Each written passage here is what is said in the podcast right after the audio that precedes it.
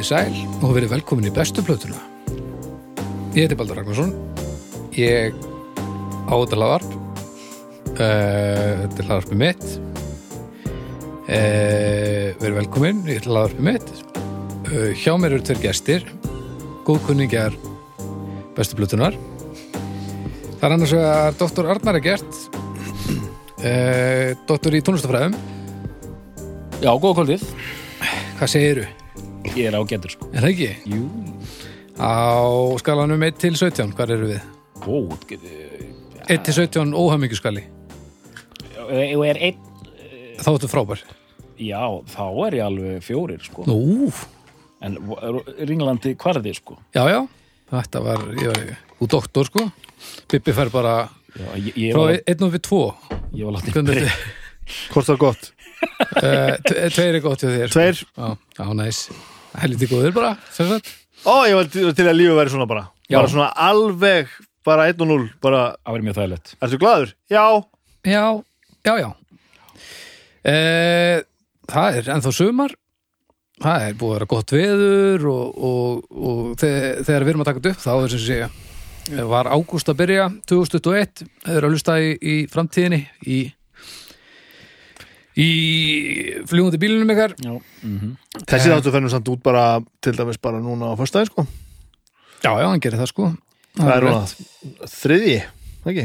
uh, Jú, gott ef ekki Þriðjudagur, þriðji. þriðjudagur, þriðji Þannig að þetta er bara, erum we're a few days away sko Já, já, já og Ágúst það er- 2021, já. það er ekki setna verðin að hafa að fara að taka þetta upp Þetta er hans stór þáttur, núna Já, já, þetta er bara Þetta Ég- er ástæða fyrir maður þessu sko Þetta er, Já, ég, þetta, þetta, þetta er risa verkefni Algjörlega, ég meina ég þetta er auðvitað bara, ég vissi að, að eh, þú veist að hérna ég vissi að kemur nú einhvern veginn að þessu. Og, og á svona hérna þú veist, þetta fyrir að nálgast einhverja flotta tölu sko. Já, og þetta búið að nefna þetta band svo oft og ég, ég er mjög forvitin. Ég, ég ætla að leave you at that. Ég er mjög forvitin. Ok En áður en við förum að, að tala um músík. Já. Já, og þú, hérna, Arnar doktor og Bibbi er svona auglýsingakall. Auðlýsingakall Já. Mm Hérna, áður en við byrjum að tala um músík þá ætlum við nú að tala um, um styrtar aðeilin okkar. Já, Eigum við að byrja á að tala um bónus, já, kannski? við erum með tvennu, við erum með sjóbó Það er- Sjóbó, það þetta er rosalegt. Sjóbó, Það er sjóbó Sjóbó, bó, Sjóbó Já, samstagsaðarinn er sjóbó Við byrjum á, ætlar að byrja á bó Eh, Bó, já, Byrjum á bó bó, sjó eh, Bónus er búið að hérna, vera okkur bara, Þetta er búið að vera með okkur alveg Þið er búin að vera hérna í þessi mörgum þáttum. Já, Já, þau tóku, sko kunnulegt stef. Já, og bónus er dásanlega verslun Það er, ég, ég man ekki hvort ég sagði það hérna eða einhverjum öðru þetta Ég man svo vel eftir því þegar bónus byrtist á Akureyri. Já, þá var svona partur af, af bara menningun og húsavík að fara svona ferð yfir. Mhm. að að kaupa fylla bílinn, gjössanlega gósi að því að maður þurfti ekki að að rífa sér tennurnar til þess að geta farið heim með kólflagsbakka og smekk fylla bílinn og drösla sér yfir aftur uh, sko, og þá í, yfir víkuskarið mögulega í einhverjum djöfulum veðrum sko. Mhm. og þetta, ég man þetta, svona, þetta var alveg svona fastur punktur sko. ég man Ferðin eftir því yfir, sko. Fyrsta sem ég vissi að bónus Fyrsta lágurverslun á Íslandi mm. Og amma heitin og afi heitin Föðu fólki okkar Já, Þau töluðu mikið um bónus Þetta var náttúrulega alger Þetta var náttúrulega gríðarlega breyting fyrir fólk sem hafði alltaf Vestla bara í íslenskum vestlum Og kom alltaf í svona láfur já, eitthvað. Og bara sumi fannst þetta fásin þá náttúrulega voru já. innrettingarna voru náttúrulega mjög svona, svona, fá, og veist, svona fálegar basic og, bara. já, og veist, þetta svona ekki þetta var átti ekki svo, það var ekkert að bjóða þér heim sko, bara kirtin eitthvað bretti og bara takta eitthvað bretti og borga þetta og farið, þú borga minna fyrir þetta og allir glæðir og hérna ég man að ég var mjög ánægð með bónus þá vegna þess að þau kiftu alltaf hérna Mentos. Já, í svona, svona lengju, og svo eitthvað karamellu nammi sem ég hef ekki fundið fyrir að síðar sem var líka í svona stögg nú, og ég man að karamellunar voru innpakkaðar í, í hérna glært plast Já. hver og einn sko verð þess orð Nei, original? nefnilega ekki það? Nei, þetta var eiginlega alveg jafnblant og, og hérna og, og Mentos, þetta var eiginlega eins, eins svona formi Já. og ekki svona ha- harðar karmur þetta, þetta var alveg sko hann ef, ef með lausa tönn þá, þá fór hún úr þér sko. Ah, klestist í þessu Var þetta dökk karmela? Nei, þetta var bara svona Gul. já, gul karmela sko. Ljósbrún, Werthers Unoriginal Sannlega en ég var nefnilega svo ánægð með þetta vegna þess að sko þau, fólki mitt heiti, þau, þau voru svo ánægð með þetta, hvað þetta var á góðu verði Já. að þau keift alltaf bara miklu meira Já, að ger, og þá áttuðu bara meira Já. og að því að þetta var svo ódýrt og þau var gamla skólanum þá settuðu bara meira nammi í mig það er meira til, fáðuðu meira nammi og ég bara, já, ég til það hér erum við í dag hér eru við dag, að hveit til vastnari er, ég kaupi stundum magn af, af Prins Polo í, í bónus. Þú hafði það svo gott að eiga. Eiga prins Bólo Já. Já, Varst þú ekki að tala um að ég get ekki átt hluti ef þeir eru nammikins meira enn í nokkra klukkutíma sko. já, er bara svona bara sama hvað það er Þannig að þú kaupir bara kassa prins, prins Bólo bara svo kaupir bóndabröð þú bara fer svo bara heim og Þetta eru, þetta eru, þetta er eitt stykki svo þetta var með sko, ef, sneiða ef, það niður er, snett prins Bólo ef það er nammi á heimilinu þá sko, fjölskyldumellum er allir sverma svona um bara þetta er eins og atrið aliens eða eitthvað líka sko. það, er bara, það er bara svermt um og, og nammið fundið sko. eh, Ef þú kaupir er Macintosh böll, Já. hvað endist hún? Hún er stutt fennu eftir stærð. Það er rosalegt. Og ég er eins og Óli Palli, kollegi minn við, hérna, við borðum allt súklaði. Óli, Óli var gráta það þegar hann vaknar á nóttinni til að borða vondumólana úr Macintosh sko. En borðaðir eru þeir sko. Appelsínu líka, allt rastlið sko. appelsínu Já. súkulaði hann er kollegin, er hann doktor í Neil Young þá var það Ég held að,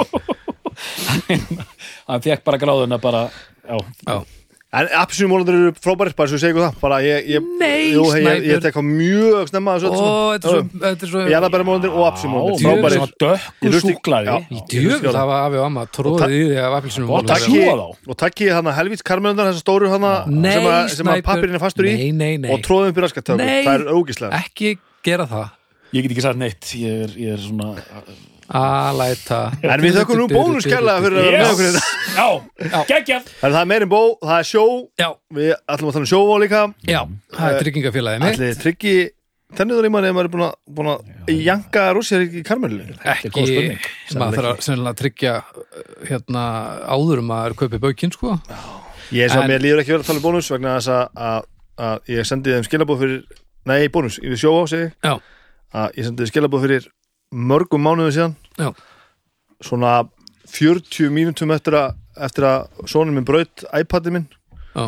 og sagði þeim að eitthvað hefði gæst og ég fekk svar eftir tvo tíma að þetta verið sjálfsátmál og ég skilti að fara með viðgerð og allt er í bætt alveg á besta máta. Já. og ég er ekki enn búin að gera þetta í Ó. þannig að ef við tölum um sjó- um sjóa það, það minni mig á hversu framtæslaus og léleg manneska ég er. Þannig að ef viljið vilji ekki fara að vera með sjálfsálati þá skulle ég fara í business með sjóa en hugsaði, ef þú væri ekki svona ömuleg manneskja þá væri allt, allt eins og ætti að vera. Já, já, ég veit það. Ó, ég er ekki búin að heyri með hérna, framrúðun og bílum þar. Ó, ég var að keira gott veður, bara, já, já, herðu, stemmari bara keira úr bústað, ekkert mál. Einhver svona skróður undan mér og einn djöfursins pínu lítill steinn Mhm. bombaði rúðuna og nú er, nú er gatt. Allir við getum farið og í gegn, en gæti gegn? Ekki gegn, Nei. Blessunlega þegar þá væri ég með gatt í gegn um allt tjóða mér.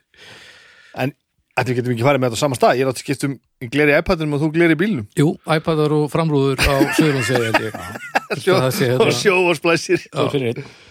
Herðu, gott, gott, sjóbó. Já, Þetta er allt ekki búið sjóbó. Já, takk fyrir okkur kærlega Ég ætla að kalla þetta sjóbó sem eftir er sko. Ég veit það. Svona bakari og apotek maður er glæða svo saman sko. sjó, sjó, sjó, sjó, sjó. Sjóbó. Sjóbó En já, takk fyrir okkur og nú skulum við vinda okkur í, í músík. Þetta er þáttur númer 99, er það ekki? Jú. Jú, Pælið í. 99 Það er eitthvað mikið. Það eru Þetta er 90 rosalegt. það eru 99 vikur í röð. Þetta er, þetta er næst, eh, hvað er þetta ekki?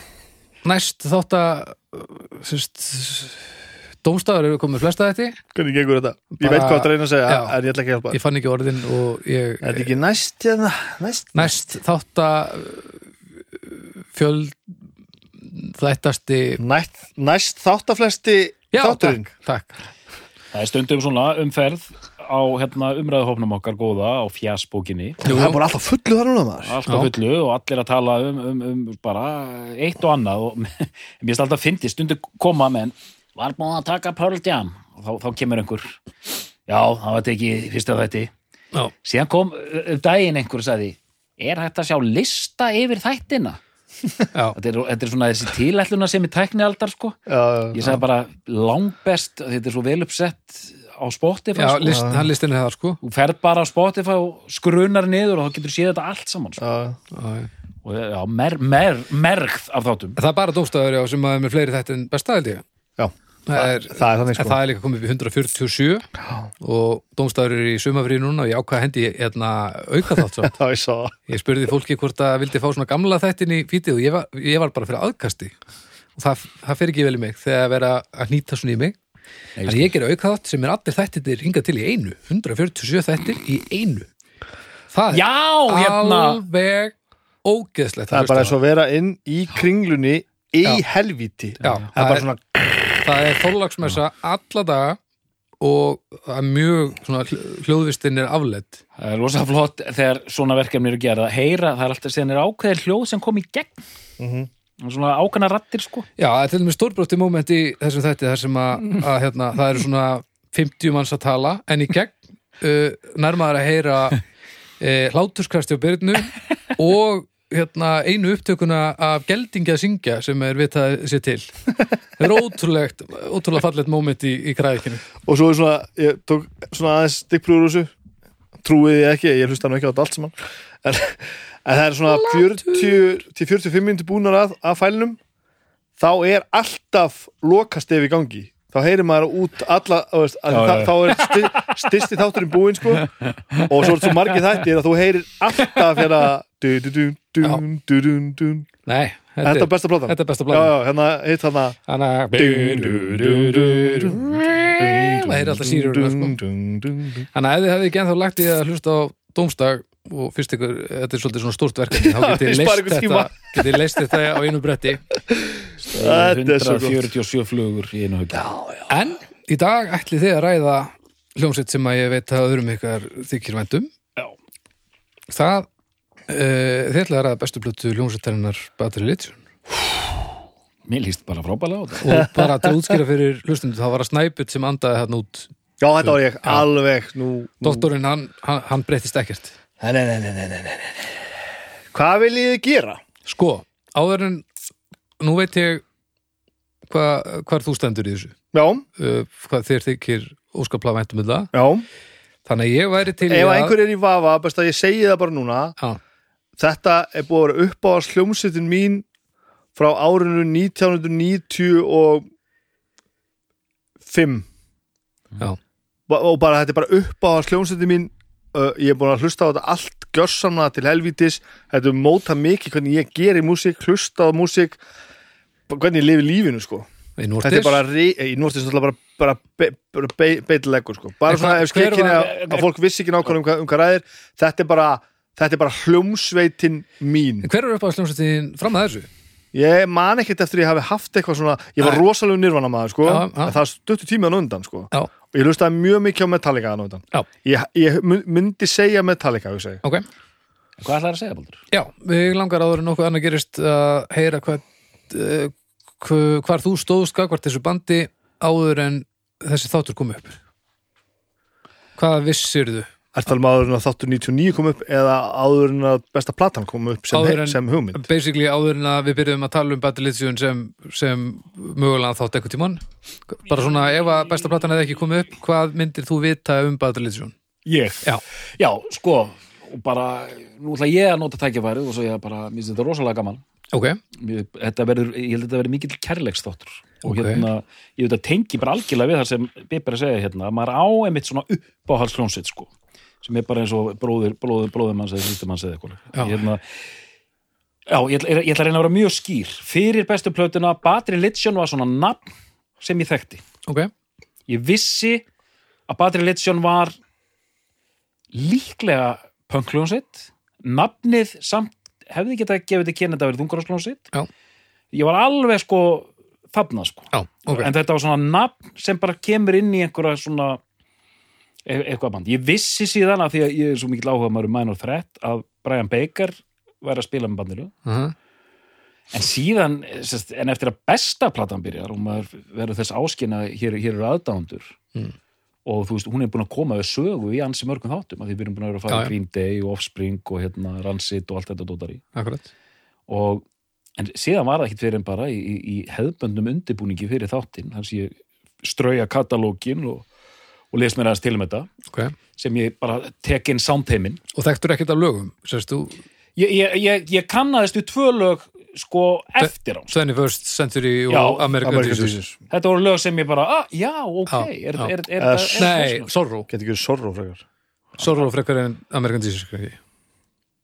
er, það er tvö hann að já, allavega 21st Century down, Kannast boy. það, og já. annarkvort uh, American Jesus eða There will be sorrow nei, nei það var ekki American Jesus það var hérna, það sem ég kannast við var 21st Century Boy. Já, og síðan eitt lag af þarna plötunni þar sem þeir eru allir framan á. Stranger Stranger Fiction Fiction. Já, lag nummer tvö eða þrjú. Uh, Talk about nothing Talk about nothing. Já, Infected já You and me When all this is Af hverju? You're the best then Var You're the best then var það einhver hittari? You and me Já, ok Er, byrju, er, er, er skrítið að ég þekki það lag? Ég hef ekki haldið að þetta væri þetta, þetta stóru, stóru, stóru, sko Nei, ég hef alltaf ekki sko annarkvort American Jesus eða Sorrow sko. En svo ég en ekki svo sem ekki ég, væri, ég hef ekkert fyrir mér í en, en síðan eins og ég segi svo ég klára, Geðveikt lag, djúið þetta gott lag. Já, En svo ég klára þetta að hérna síðan þegar ég byrja að hlusta þekki þessi tvö lög. Mhm. Ég held að ég þekki þetta lag komin út 94 þessi, hérna, Jú, Stensiðan ég, Fiction ég horfði á MTV allt sumarið 94 Já, það hafi verið Já. þannig að vídeoið hefur verið í en sem sagt þá síðan því ég hlusta núna fyrir þáttir þá alveg sko ég var mjög fljótur að átta mig á þessum hérna hljóðheimi. Mm. bara því ég er búin að vera að hlusta á öll þessi tengdu bönd bara það sem þeir eru búin að segja. Og tókum við þetta þeir spilu stórt hlutverk í jólaþættinum okkar og, hérna, Þetta, Jú, jú. og, og þannig mér, hlaka mjög mikið til að spjalla um þetta. Og þeir eiga hérna Wikipedia síðu á íslensku. Eiga þér, hún er nú ekki löng Nei. nýja ítaleg, en hún er til staðar. Hvað segir þar? uh, Hún hefur reyndar röglega ekki verið uppfærð Já, 2010 er síðasta plata sko Það vantar tvær þá Bandaliðsinn er bandarísk punk rock hljómsveit uh, sem stopnum var 1979 í Los Angeles uppalið meðlumir voru Greg Graffin söngur, Brett Gurovits, gítar, Jay Bentley bassi og Jay-Z skrátt trommur. Mhm. Graffin er eini meðlumir sem hefur verið í sveitinni allan tíman en Gurovits og Bentley hafa starfað með sveitinni með hlýjum. Og svo bara hljómsveitin er þekkt fyrir textasmíði sína og þá pólitísku og samfélagslegu ádeilu sem þeir byggjast gerðnan á. ég er líka bara- Svo bara plötur.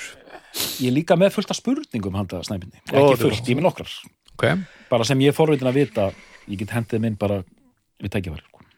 Hvað líka það? uh, ég held að það verður að fara fram einhver almenn kynning á bandinu Já. Sko, Bandarinsson stopnuð hann í Los Angeles árið 1979 af fjórum mönnum uh, Greg Graffin söngvara Já.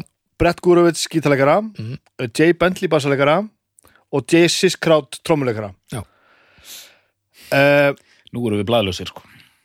Blaðlausir? Já, já, við verum blaðlausir sko. Um, Þeir eru kornungir þegar þetta er stopnað sko. Fyrsta sem þeir taka upp er smáskífa sem ég held að telli þrjú lög ef maður rétt, sem heitir Bad Religion. Hún kemur út 1981 og þegar þeir eru að gera hana ég heldur sér ekki að ljúga ég, þá eru þá eru Greg Graffin og Jay Bentley 16 ára og er 2 18 já, Ég held að Jay Bentley sé hann og Greg Graffin ok. Sér ekki fættir ekki fættir 64 ég held það. 64 er Bentley allavega. Og þar kemur þryggjalega plata og þar, og, og þar strax Já, Greg líka. þar strax sko kveður við hennan tón sko. Og við, við, við, við þekkjum hann í bandið. Þeir eru náttúrulega auglustlega ungir sko. Já, uh, þetta strax er Brett Gurovits farin að Mr. Brett sem, sagt, sem hann kallaði sig farin að, að, að dútla við að taka upp og síðan árið 1982 og þetta verður svo gaman. Ég er bara strax mér fara að hlýna. Kemur út fyrsta breyðskjafnum badalið sem, sem heitir How Could Hell Be Any Worse? Nú ætla ég að fara að lifta hérna kassanum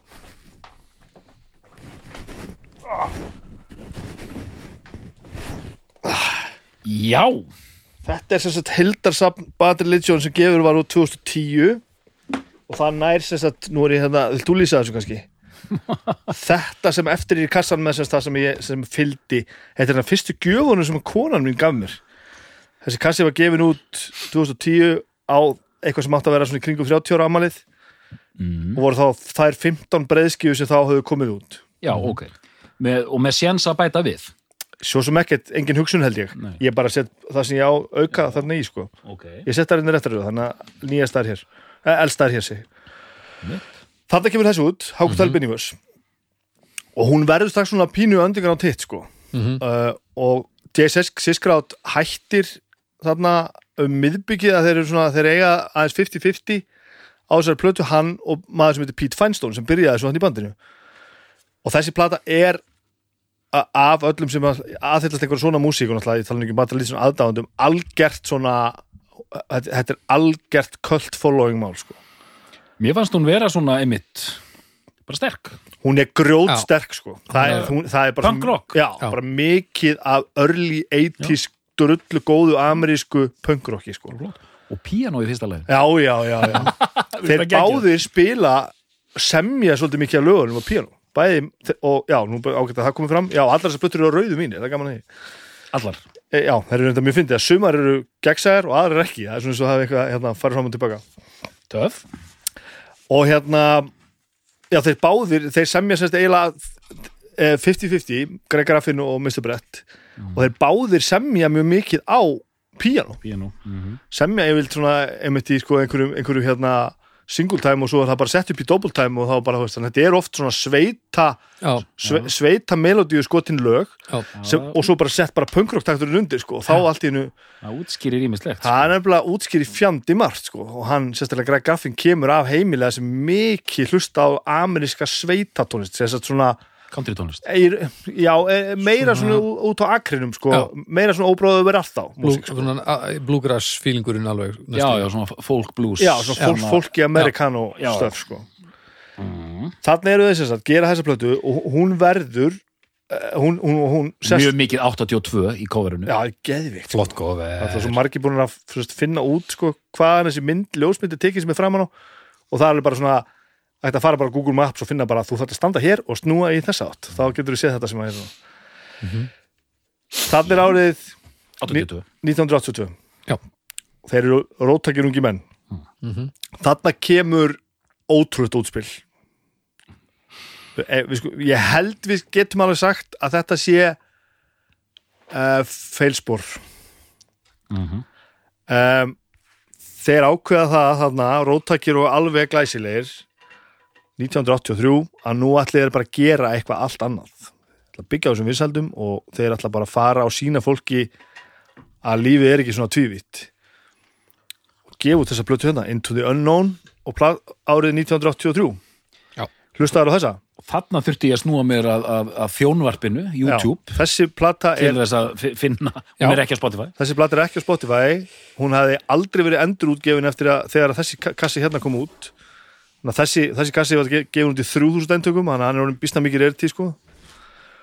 og þetta var fyrsta endurpressun og svo eina skipt sem hefur endurpressu og þe- þessa plötur, hún er til að bútlegum út um allt sko.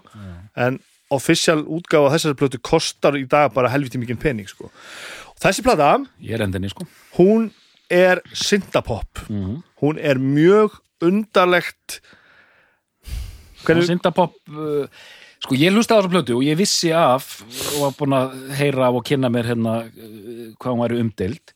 Mm. og ég kemur þetta ískaldur að þessu sko og hérna, einmitt, synthapop rock. En þú veist, mér finnst þetta að vera bara svona why not, sko? Mér finnst þetta ekki ég, þú veist, bara já, já. Ég hef ekki hlustað á hana svo í muni. Hefur aldrei hlustað á þessa plötu? Ég held ekki. Ég bara, ég, þú veist, ég bara svona, já, ok ætlið að gera þetta, já. Hmm, já, ætlið að halda áfram með þetta? En þú sem kemur svona kaldur að þessu, sem svona plata Hvernig er hún? Ég, ég, hún, er, hún er þetta furðuleg. Þetta er skrítið þetta er svona mjög, ég ætla ekki að segja að þetta sé leitandi þetta er bara svona, En hefur getað haldið áfram á þessari braut og orðið fínt svona band? ég held að þeir hafi haldið þarna nei, nei, þeir eru aldrei gert er þetta ekki, sko, þú veist þetta er þetta ekki bara eitthvað flip? Nei, ég heldur að, ég heldur að hafa verið svo góðu með sig og öryggir þannig þeir eru tvei náttúrulega risastórir ofbúslega velgefni menn Brett og Graffin ég held í alvörun að þeir, þeir þeim hafi þóttir að vera svo góðir og magnaðir að þeir gætu bara búið til eitthvað glænýtt og breytt heiminum. Ég heldur að við haldið þeir væri bara með þarna eitthvað bara, já, já. það er enginn gert svona. Og menn, þetta er svolítið uník sko, þetta er eitthvað svona punk hljómborða brjálaði eitthvað, ég veit ekki, þú veist Ég- hún, er rosa, hún er rosa skrítin sko. Svona punkrock með svona cheesy synths einhvern veginn ok. Svona ru- rush og hérna þetta, ljóma- cover er náttúrulega bara eitthvað svona eitthvað svona 70s út í geimnum. Into the Unknown ég veit tekka tekka á myndir í sko.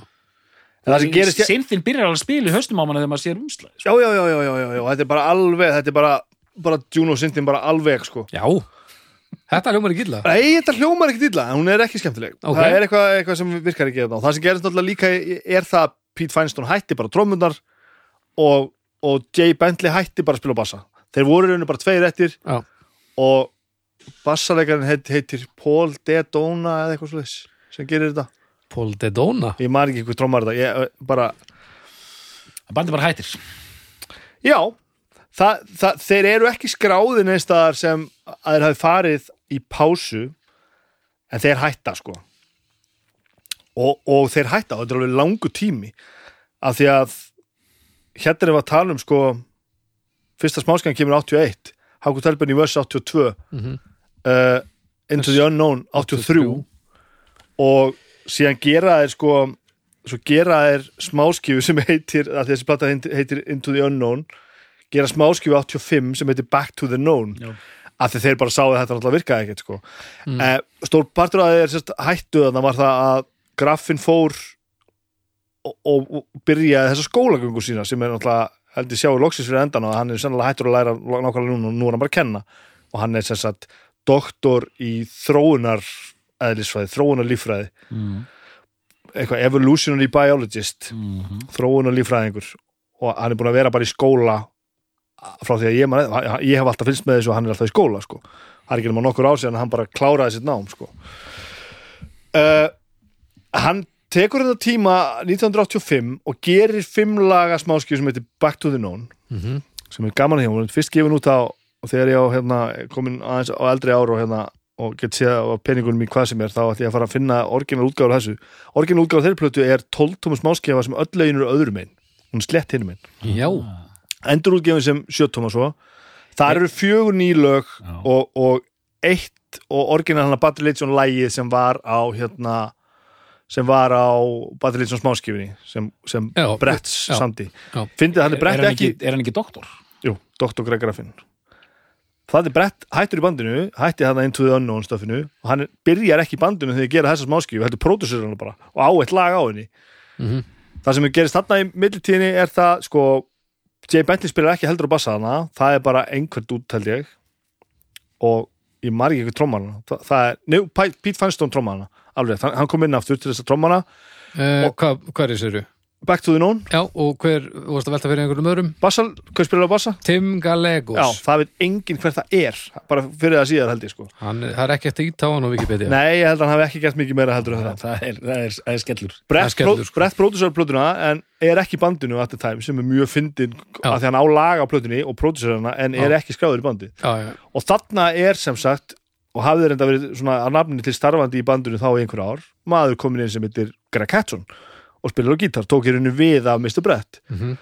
og Greg Hatson þessi hafði komið úr Circle Jerks og var samliða í, í Circle Jerks ef við, ef við það séu hjólbættarmyndina Thrashin þá Mhm. eiga þeir titilaði Wild in the Streets jú, jú. mjög Wild in gott the band Streets, running, running Wild in the Streets mjög góð hljómsveit Já, frábær hljómsveit, þeir eru á, tú- þeir eru á kompakt núna bara allt or original hérna gengið geggja nafn Circle. Circle Jerks en bandið einhvern veginn ekki eiginlega byrjað aftur sko. Við erum hana við erum hana 85 Já.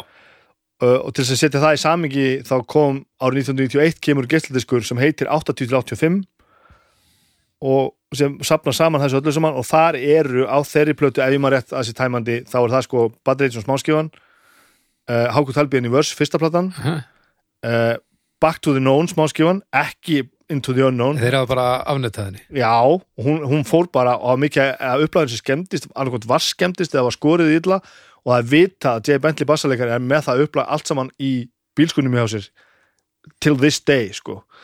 Og það er, það að bjóða svo mikið peningum fyrir að koma þessum eintökum út það er bara accents, aldrei.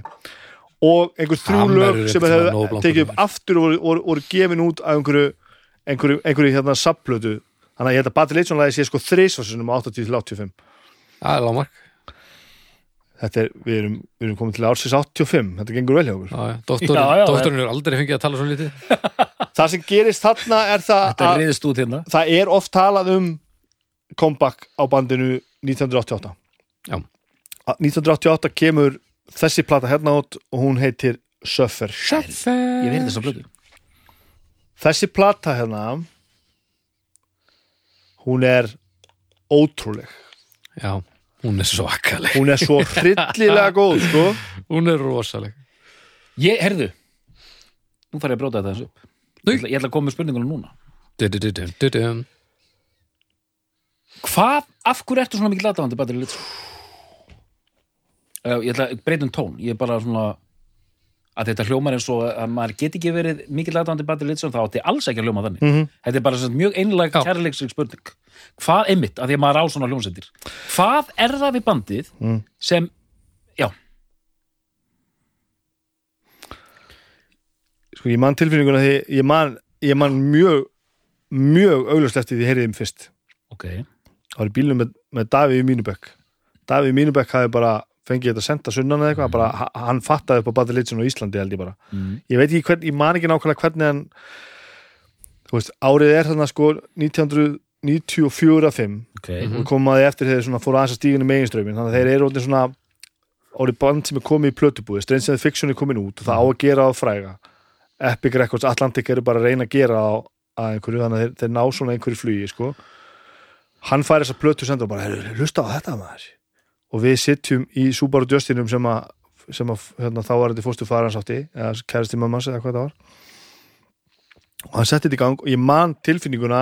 Hvað plata var það, segir það var örgulega söffur Já, ok, ok. Ég man ekki hvaða lagi henni fyrst og svo hlustaði ég á þetta allt í bílnum hjá hann bara á heilum degi og það voru örgulega sko þá voru að hlusta á Suffer, No Control, Against the Grain, Generator. Ok, allavega þessa fjóra sko. Og örgulega Recipe for Hate líka. Og? Um, og ég man að það sem að ég þannig er ég byrjar að spila gítar og ég er svona aðeins byrjar að fykta mig og er búin að vera einhverjum bílskur hljómsveitum og búin að spila alls konar og ég var einhvern veginn búin að koma að staði hvað mér fannst einfaldleikin og melodía skemmtir þetta fyrirbriði Mhm. en ég vissi jafnframt að ég, ég varð að láta koma mér einhvern veginn á óvart Mhm.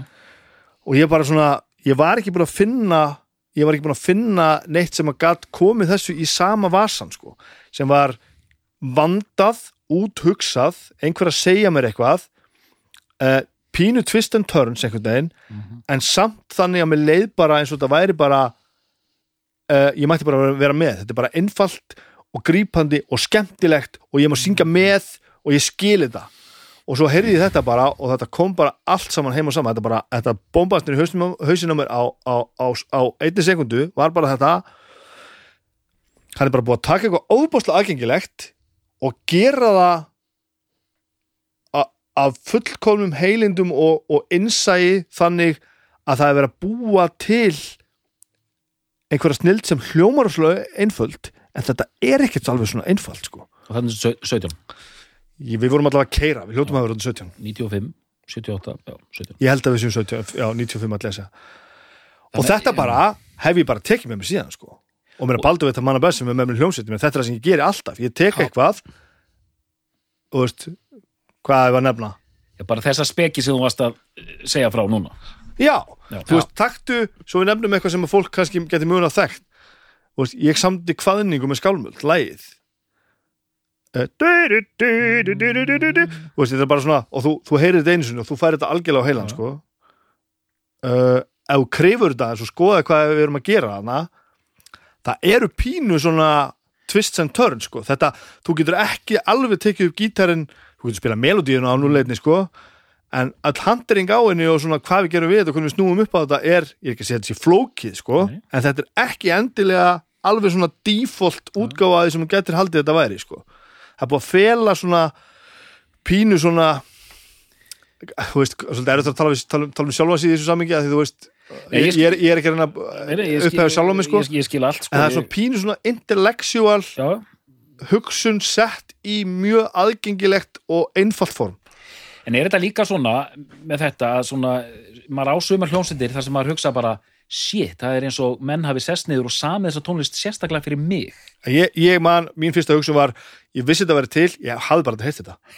Ég, ég, ég er bara búin að vita í nokkur ár að svona tónlist er til. Já. uh, ég vissi ekki að vera að leita en þetta bara fann mig og ég bara, Kemur, þetta er allt sem ég var að meina þetta er allt sem ég var að meina, sko. Ég vissi ekki nákvæmlega hvað ég var að meina, en nú veit ég það, sko. Og þessi tilfinning er, hún er rosaleg, sko. Þetta er mjög gott, mjög gott og þetta sérst komaði tilbaka og ákveða að gera þessa plötu og ákveða að vera bestir. Þeir ákveða bara, herðu, nú gerum við eh, nú gerum við svona plötu í, svona í andaði sem við gerum hann í upphafi. Veitum við getum þetta. Hóum bara saman liðun aftur. Og þarna eru þess að Pete Feinstein komin á trommur aftur sem að hafi þá trommað hérna náttúrulega og það hafi komið aftur eftir Into the Unknown. Uh, Jay Bentley er á bassa. Hefur síðan, þetta var ekki yfirgefið bandið uh, Greg Hatson er á gítar. P- Pete Feinstein á trommur og ég búin að segja hann.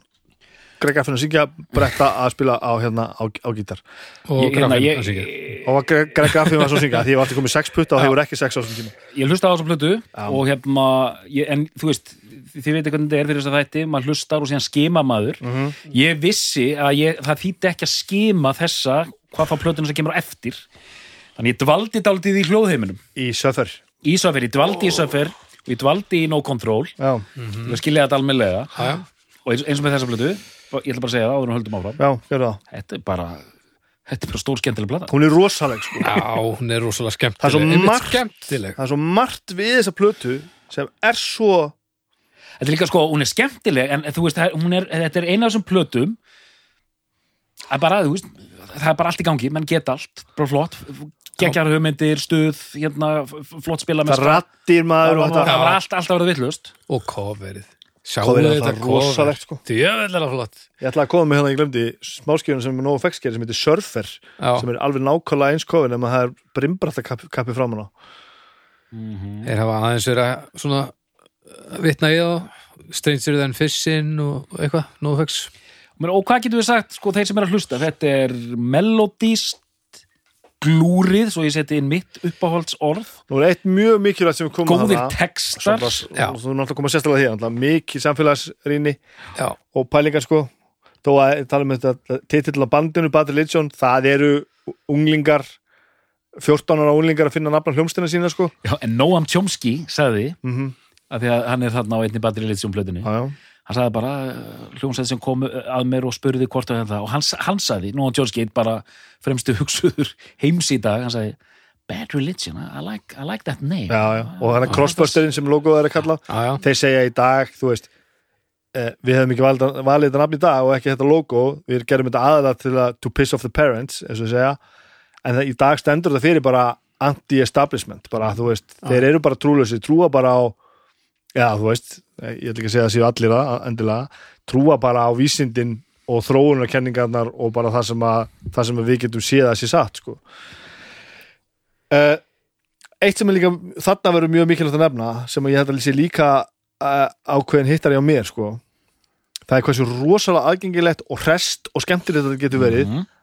fullkomlega ánum sem vera silly Mhm. já, Green Day verður alveg pínu silly Mhm. já, já. Offspring verður mikið silly Rancid verður með þessi að stundum aðeins silly og nú fækst náttúrulega vera bara silly as fuck sko. já, Bad Religion, ok, við eftir að fara gennum langan katalóg, þeir verða pínu silly í einstaka sinnum, en þarna fyrstu árin og heilt yfir, eru þeir bara ekkert silly þetta og, og svo var einhvers sem sagði við mig taktu aðeins meðalduðin úr þessu og uh, hrestleikan einhvern veginn Mm. og þá fattar þau það að Bad Religion þeir eru hardcore band já, það er bara búið að fela hardcoreið í melodíum og, og, og, og, og, og, og svona útsjónasemi Já. en eins og þú segir, já, ekki silly en, en, en eins og þetta, en galgópalegt kannski aðeins fyrstu árin.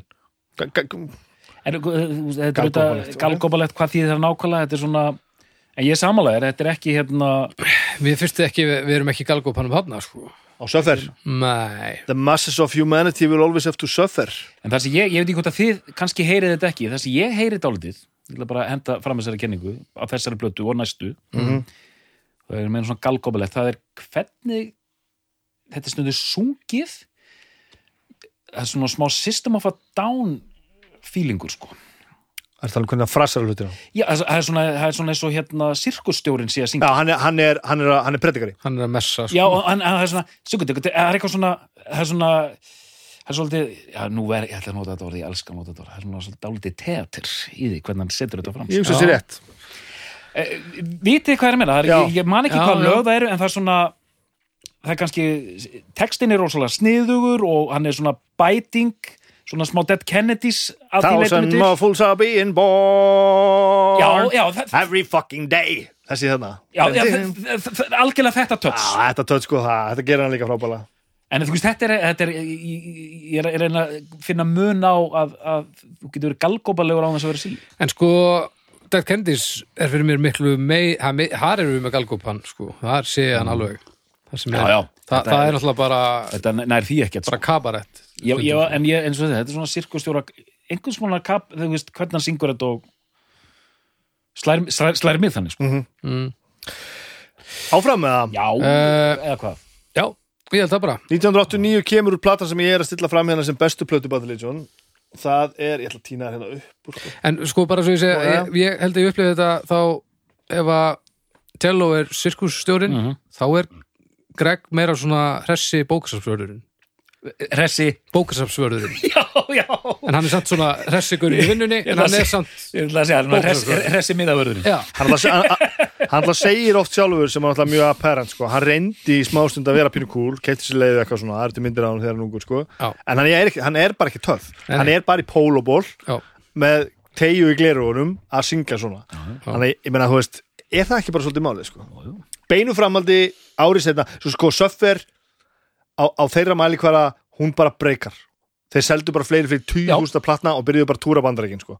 Mhm. Það er svona allavega sitt, sitt, sitt, sitt uh, nánasta, sko. Svona, svona nærum hverju. Árið setna geraði bara þessa blötu, No Control. Hún er, fyrir mig, þetta er upp á, þetta er upp á bandarækinsplata mín. Mhm.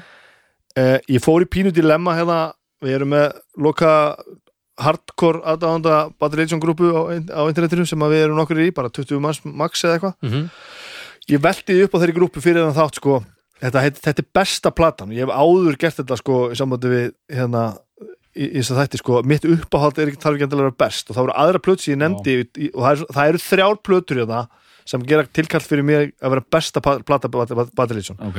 og það eru á allar á aðrar. tímabilum sko, Ok. tvær í viðbútt Sem besta. sem besta Ég, ég, ég gerir skýran einmitt greina minn á besta og uppáhalds. Já, og, ég, og ég þurfti að hlusta vísindarlega í gegnum þetta sem ég, sem ég kannski hef ekki mikið gert en ég, ég lendi aftur Já. á No Control og mér fannst hún best uh, Og þessi plata séð- hérna hún er bara ekkert eðlilega góð það er bara sleggju eftir sleggju eftir sleggju eftir sleggju eftir sleggju sko.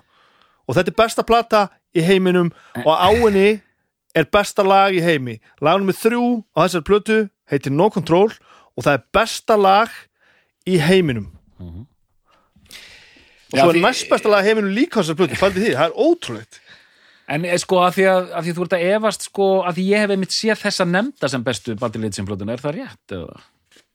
örgulega. ég hef svo sé alveg, Já, já, það, það eru mjög margi sem tala um Söffer, Suffer, No Control og svo erum við að tala um svo ævintilegt tempo sko uh, 88, 89, 90 eftir þrjú ár, þrjálplötur Against the Grain kemur 1990, það eru mjög margir sem tala um þetta sem þetta er bara þessi heila trilógia sko. En Má ég aðeins staldra við, sko? Against the. Grain. Against the Grain. Og þetta er síðasta plata sem Pete Feinstein trommar sko. Má ég aðeins staldra við þetta, einmitt, besta hljónsut í heimi. Já. Þetta er besta plata, besta hljónsut í heimi. Yep. Og hér er þá besta lag í heimi. Það er No Control það er No Control og lagnum með sjö það er næst besta lag í heimi. I Want to Conquer the World. Já, einmitt, einmitt. Ég, ég, svona, ég sá einmitt það, það, er, það er líka, það er grípandi.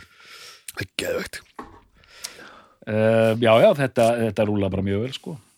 Ég las á einu stað hérna Þetta er eins og er ekki rétt hjá honum. Besta, besta ég- ég- alls rúlla- ekki bæði þáttinn rúla vel og ferillin á Patrik Lindsson rúla vel en ég las einhver stað einmitt að þetta var svona improvement of Suffolk ég, það, ég er nefnilega sammála í og bara gaman að sko hafa séð, fengið þetta frá einhverjum öðrum heldur en mér. Að því að fyrir mér er sko, mér söffur alveg briljant Mhm.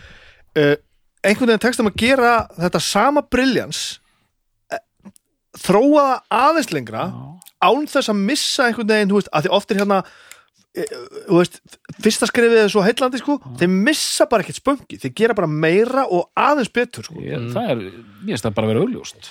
Er einhver að mótmála því? Ég Nei, held- ég er að tala um bara a- almennt er það svo oft þannig sko að svona, já, þetta er svona, þú veist.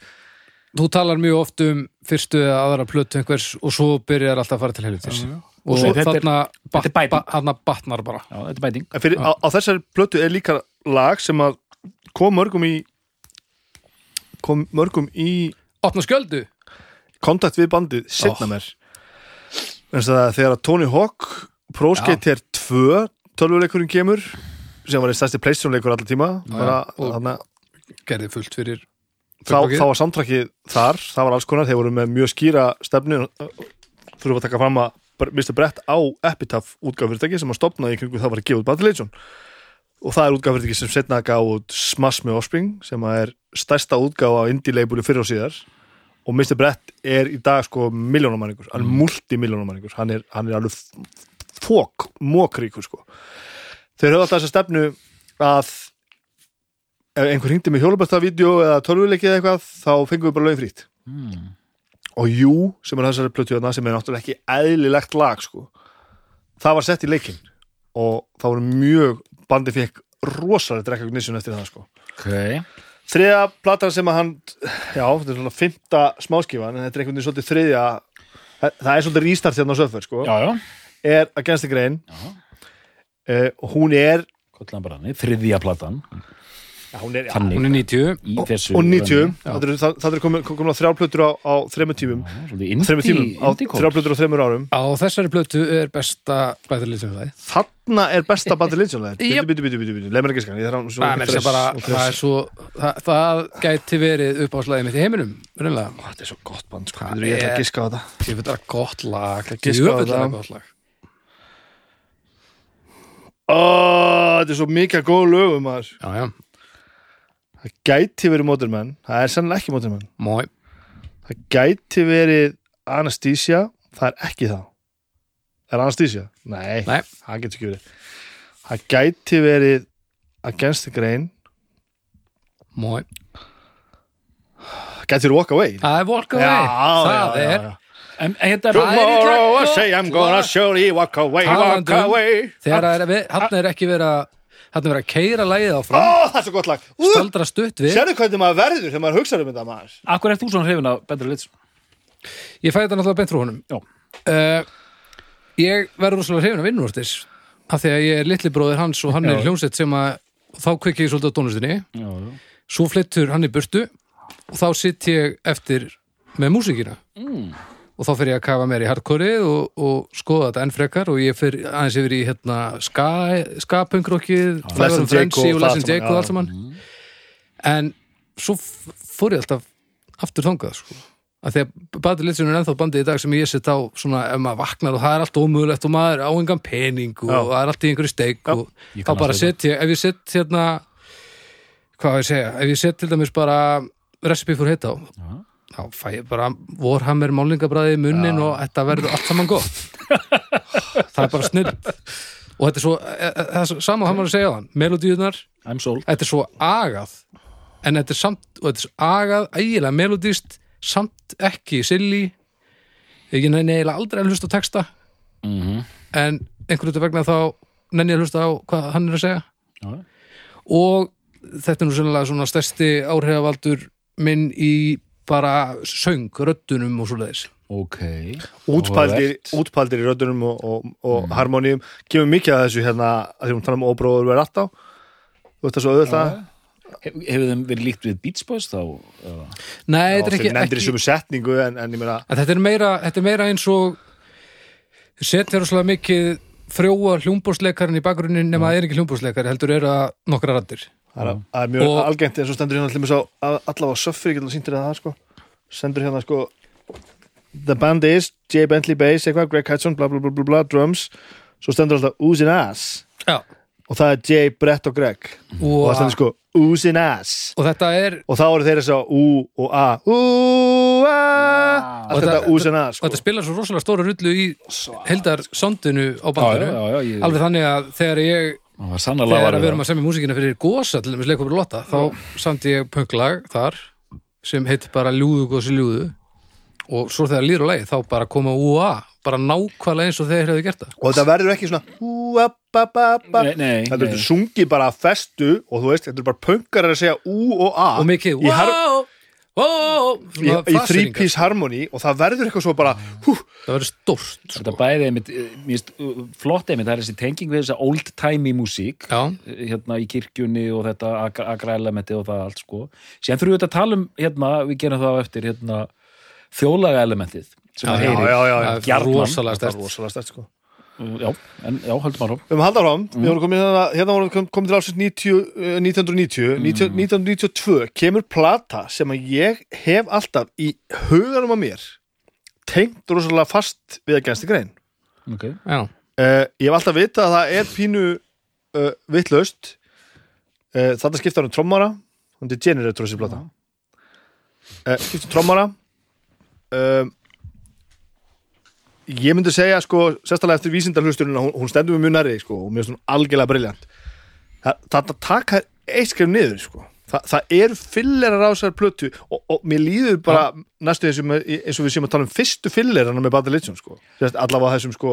Og núna, og núna segi ég sko hérna, að gensta grein hittur það ekki? Jú. nú er ég bara svona, já, flott. Já, og þessi, mm, já nú fer þetta að verða allt fyrir mér, ég er þetta bara Svipað. nýbyrjaður, Svipað. allt svipað bara já, eðlilega. já. ég er Eh, komið lengra ég er svo komst að því ég fatt að, ég var að tala um Bubba sem er söngurinn í skálmönd og, og, og jafn harður Bad Religion maður og ég já. hvernig Ha- aðdöðast það? hann er svakalug við vorum bara að byrja, við vorum bara allir saman í bekk Davíð var bara með okkur í bekk og við byrjum bara að hlusta og ég og Bubbi bara, þetta er bara besta sem við höfum heyrt, einhvern veginn bara við, og við tengdum og minni ég ég hugsa að við séum svona góðu vinnir í dag svolítið mikið fyrir það og veist, við bara, við fórum bara svo sömur leið og hann bara með mér í innvastis og, og, veist, og við bara, við hlustum á þetta bara í, í, bara á, á, á túrum okkar bara eitthvað Já. stærnum heiminn bara í rútinu og bara syngjum með og bara 100 árum setna erum við bara ennþá 17 ára í bílum hjá Davíð sko. Bubbi var aldrei brjálæri en þegar að Bubbi Littsjón poppar upp í rútunni oh, eða eitthvað melodist döður okkur stæðurunari eða propagandi þá er er Bubbi glæður sko. hann er einmitt sko, hún fyrst I want to conquer the world er besta lagi heimi og no control er næst bestra, við, við svissum hann að lögum. Þeir eru svo rótækir hann er til með samanlega með, með bestu blötuna sko. hún er fyrst no, no control er best sko. og nú erum við bara að tala mikið um þetta. Hann, ég var eins og að vinna uh, við að að smíða. Ok, ég var að kýta heilt hótel sem var að vera eitt af svona fyrstu svona, svona hlöðunum sem var að breyta í hótel ykkur út í sveit. Og hann lánaði mér spólutar sinnas mér finnst eins og að það hafi verið sko, þetta er svo stutta plötur. Höldum því til haga sko að, að no control-platan er sko 26 mínútur eða nær því sko. Um, veitum við. Ég man að gersta grein er 35 minnum mig. Og kontrólu 26 já. Ég tók þetta eins og eins og hálsmínúna lögt já, já. söffur er sko stittri sko. Söffer er 20 26, 25, 50 Já, og sem dæmi það þegar Söffer var þegar Söffer þetta ammali núna um daginn þr- 30 vantalega hann 2018 Mhm. þá voru það að spila svolítið mikið live og að Söffer var nú átti ammali þá tókuður hann í uppklappi þá kláruður allt settið fóru, fóru af hérna á sviðinu kom aftur upp á svið, tóku alla plötuna. Na, það var hálftími þeir var að passa litt uppklapp Generator er mér sko. og svo gerður þetta aftur með hérna nokkuð tróð þannig árið setna, mjög fyndið. En Bubbi lánaði með spólur sko ég ætla að giska á að það hafi verið sko, ég man ekki nákvæmlega ég meit að Argenstigrein og, og, og Generator og sennilega platana eftir uh, Recipe for Hate hafi sennilega verið allar sömu, sömu hérna spólinni ég hlustaði svo mikið á þetta back to back sko Mhm. ég, samt, mér finnst þess svo Bubbi verið bara komin á grúpuna og segja, segja mig hvort það og ég var til að hlusta á Generator og ég man ennþá hvað er alliðin klárast sko. Bara snemma í öðru erindi í Two Babies in the Dark Mm. þá syngi ég með í strætó í dag Mm. og ég hætti að syngja þegar spólan hætti sko. Og ég var bara á Spotify sko. og, og bara talandi um hvað, hvað já. músík grefur sig inn í heilan á manni sko. Ég bara fæ bara sömu tilfinningu og ég bara mani til herbygginu sem ég var í að kýtta eitthvað mill einhver að þylja einhverju baðherbyggi ekki að nenni að vera til einhver, einhver skítur og, og latru unlingur að hlusta á Batri Legion þráfaldlega hvern einasta dag sko. Mm. þannig að þannig tengi ég haldið saman eftir á higgja þær er ekki Suffer No Control Against the Grain augljóslega standa svolítið saman svo förum við aðeins í aðra átt hérna. þeir fara kannski að taka sér pínum en alvarlega skiptum trommara sem er um að mörgum talin vera svona blómatíma trommari sant? Bobby Shear, legendary maður mm. Lakari smíðar nei, Ekki öðruvísi það eru f- Ja, já, það, það, það, það koma fyllir þessi plata er frábær sko. hún er alveg geðvik sko. það eru bara svo góðar svo blötu þetta er bara Nei, hún, er, hún er rosaleg sko. þessi hefur kallað minna á mig heldur en að gerast að grein og recipe for hate sem já, það er hana, eitthvað, eitthvað sem er skrifað niður á við en Ok. svo kemur bara þessi hérna plata hún kemur 93, árið setna Recipe for Eight Mhm. uh, þarna eru þeir aðeins orðni pínu svona nafn til dæmis Eddie Vedder syngur hérna á einum af tveimur lögum eh, vinnu þeirra sko. Nei, ég meina hún er 37 mínútur Já, já, 37 og hálf mínúta sko. Og brítur hérna hjálpaði dóttornum með statið. Nú, heyrðu, Nú þarf að fá hérna Talandi með Eddie Vedder Hann hérna bara um leið og maður segir Eddie Vedder þá bara, þá, þá bara Þá bara þar Kemur hérna Sviðsmaðurinn. Þarna er Já. ba- bandið komið á mýgandi fullt og þarna eru þeir þarna eru þeir farnir að vilja vera frægir. Þarna eru farnir að túra mikið þekka allar þessar stjörnur og þú veist og, og, og svona, já, með gesti og svona, en tökum það nú samt enga síður. Enga síður skildu við halda því algjörlega til haga að enn sem komið er eru alla plötunaðinnar pródúsirar að þeim sjálfum. En þú segir þeir vilja vera fræðir Þetta er ekki hrein auðmíkt Þeir eru með eyes on the prize. Um, Já Ég held að svari sé bara já. Um, Þeir ætla ekki að að sérstaklega þessum tímapunkti hérna, það er ekki myndin ætla að fara eitthvað að, að vera með einhverja málamilunir en já, ég og þeir fara svona að færa sig sko og þessi plata uh, Recipe for Hate hún er hún er svona sniður sko. Það eru hérna það eru hlutir hérna sem að eiga greinilega að vera eða eiga að vera, ég veit ekki hvað að kalla það veist, American Jesus er á þessari plötu sko Það taka þennan bækin hjá dóttunum aðeins og sambandi og festa þetta, hann reyði allt í sundu hann reyði allt í sundu, þetta er líkt á hann og ég haldi á hann að tala hann langar svo að svara mér sko, ég sé að hann getur ekki sko Nei já, bara áhugavert að hérna ég er mjög Hérna, alltaf þetta samspil milli mitt að, sem er bara jákvæmt að menn vilji komast eitthvað og óta sér eitthvað á áleika sko, þetta þarf ekki alltaf að vera eitthvað svona, "Hey, ja, við erum bara að gera okkar. En þú veist, það er líka einhver pæling. Og einmitt og þú segir Eddi Vettir mættur á svæðið árið er 93, þannig að það er miklar hérna, mikið að gerast í, í, í, í ameríska undergroundinu. Og það er alveg þannig og, og, og þeir eru alveg fannir að spila svona alveg sæmilega stór gig sko. Uh, og, og sko ég á nú hérna, ég er nú með þess að með hérna tildur að nýjútkomna hérna sögu bandsins, The Story of Bad Religion Do What You Want sem ég kefti hérna bara þegar hún kom út í fyrir að eitthvað. Ertu komin, Já, getur hægt að tala í minn mæk? bam bam bam bam bam bam. Bara, bam, aftur, doktor. bara, bam, og, og eins og gengur gerist, þetta eru stóri persónuleikar. Þarna er sko, Reyndu nú að eðilega ekki allt sem er fallegt. Eh, þarna er til dæmis brett. Brett er farin að gefa út sko plötu með öðrum á fullu undir epitafstöfinu, ég meina eh, NoFX og Rancid eru farin að gefa út hana hjá honum þetta er alveg svona sæmilega stórt offspringar að gefa út hjá og eitthvað, mm. þetta er alltaf ekki sprungið út sko. Uh, en já, ég hugsi alveg svona að hugsa um það sko, en það, það, það, bytnar ekkert á geðunum sko, Recipe for Hate er frábær plata. Ég á í pínu hattusambandi við við Recipe for Hate Er ég? Nei, já, ég er. Já, mitt hattusambandi við það? Þú ert í hattur sambandi við Recipe for Já, það hef, hefur bara með það að gera að, að við vorum litla útastöða í framhaldsskólum húsæk við vorum með lítinn FM-sendi það sem voru dagská og stundum var ekki dagská og það var náttúrulega ekki geislaspilari í bílum Volvonum hans, hans pappa hætins. Þannig að ég það sem ég gerði, ég á með liklað útarpinu ég fór að setti Recipe for Eight á í útarpinu, fór rundin og stilti bara FM 100 og 3.0 af því að ég bara gæti bara ráðið hvað í útrupinu á Húsauk sett hann bara repeat og kerði þingi allan daginn.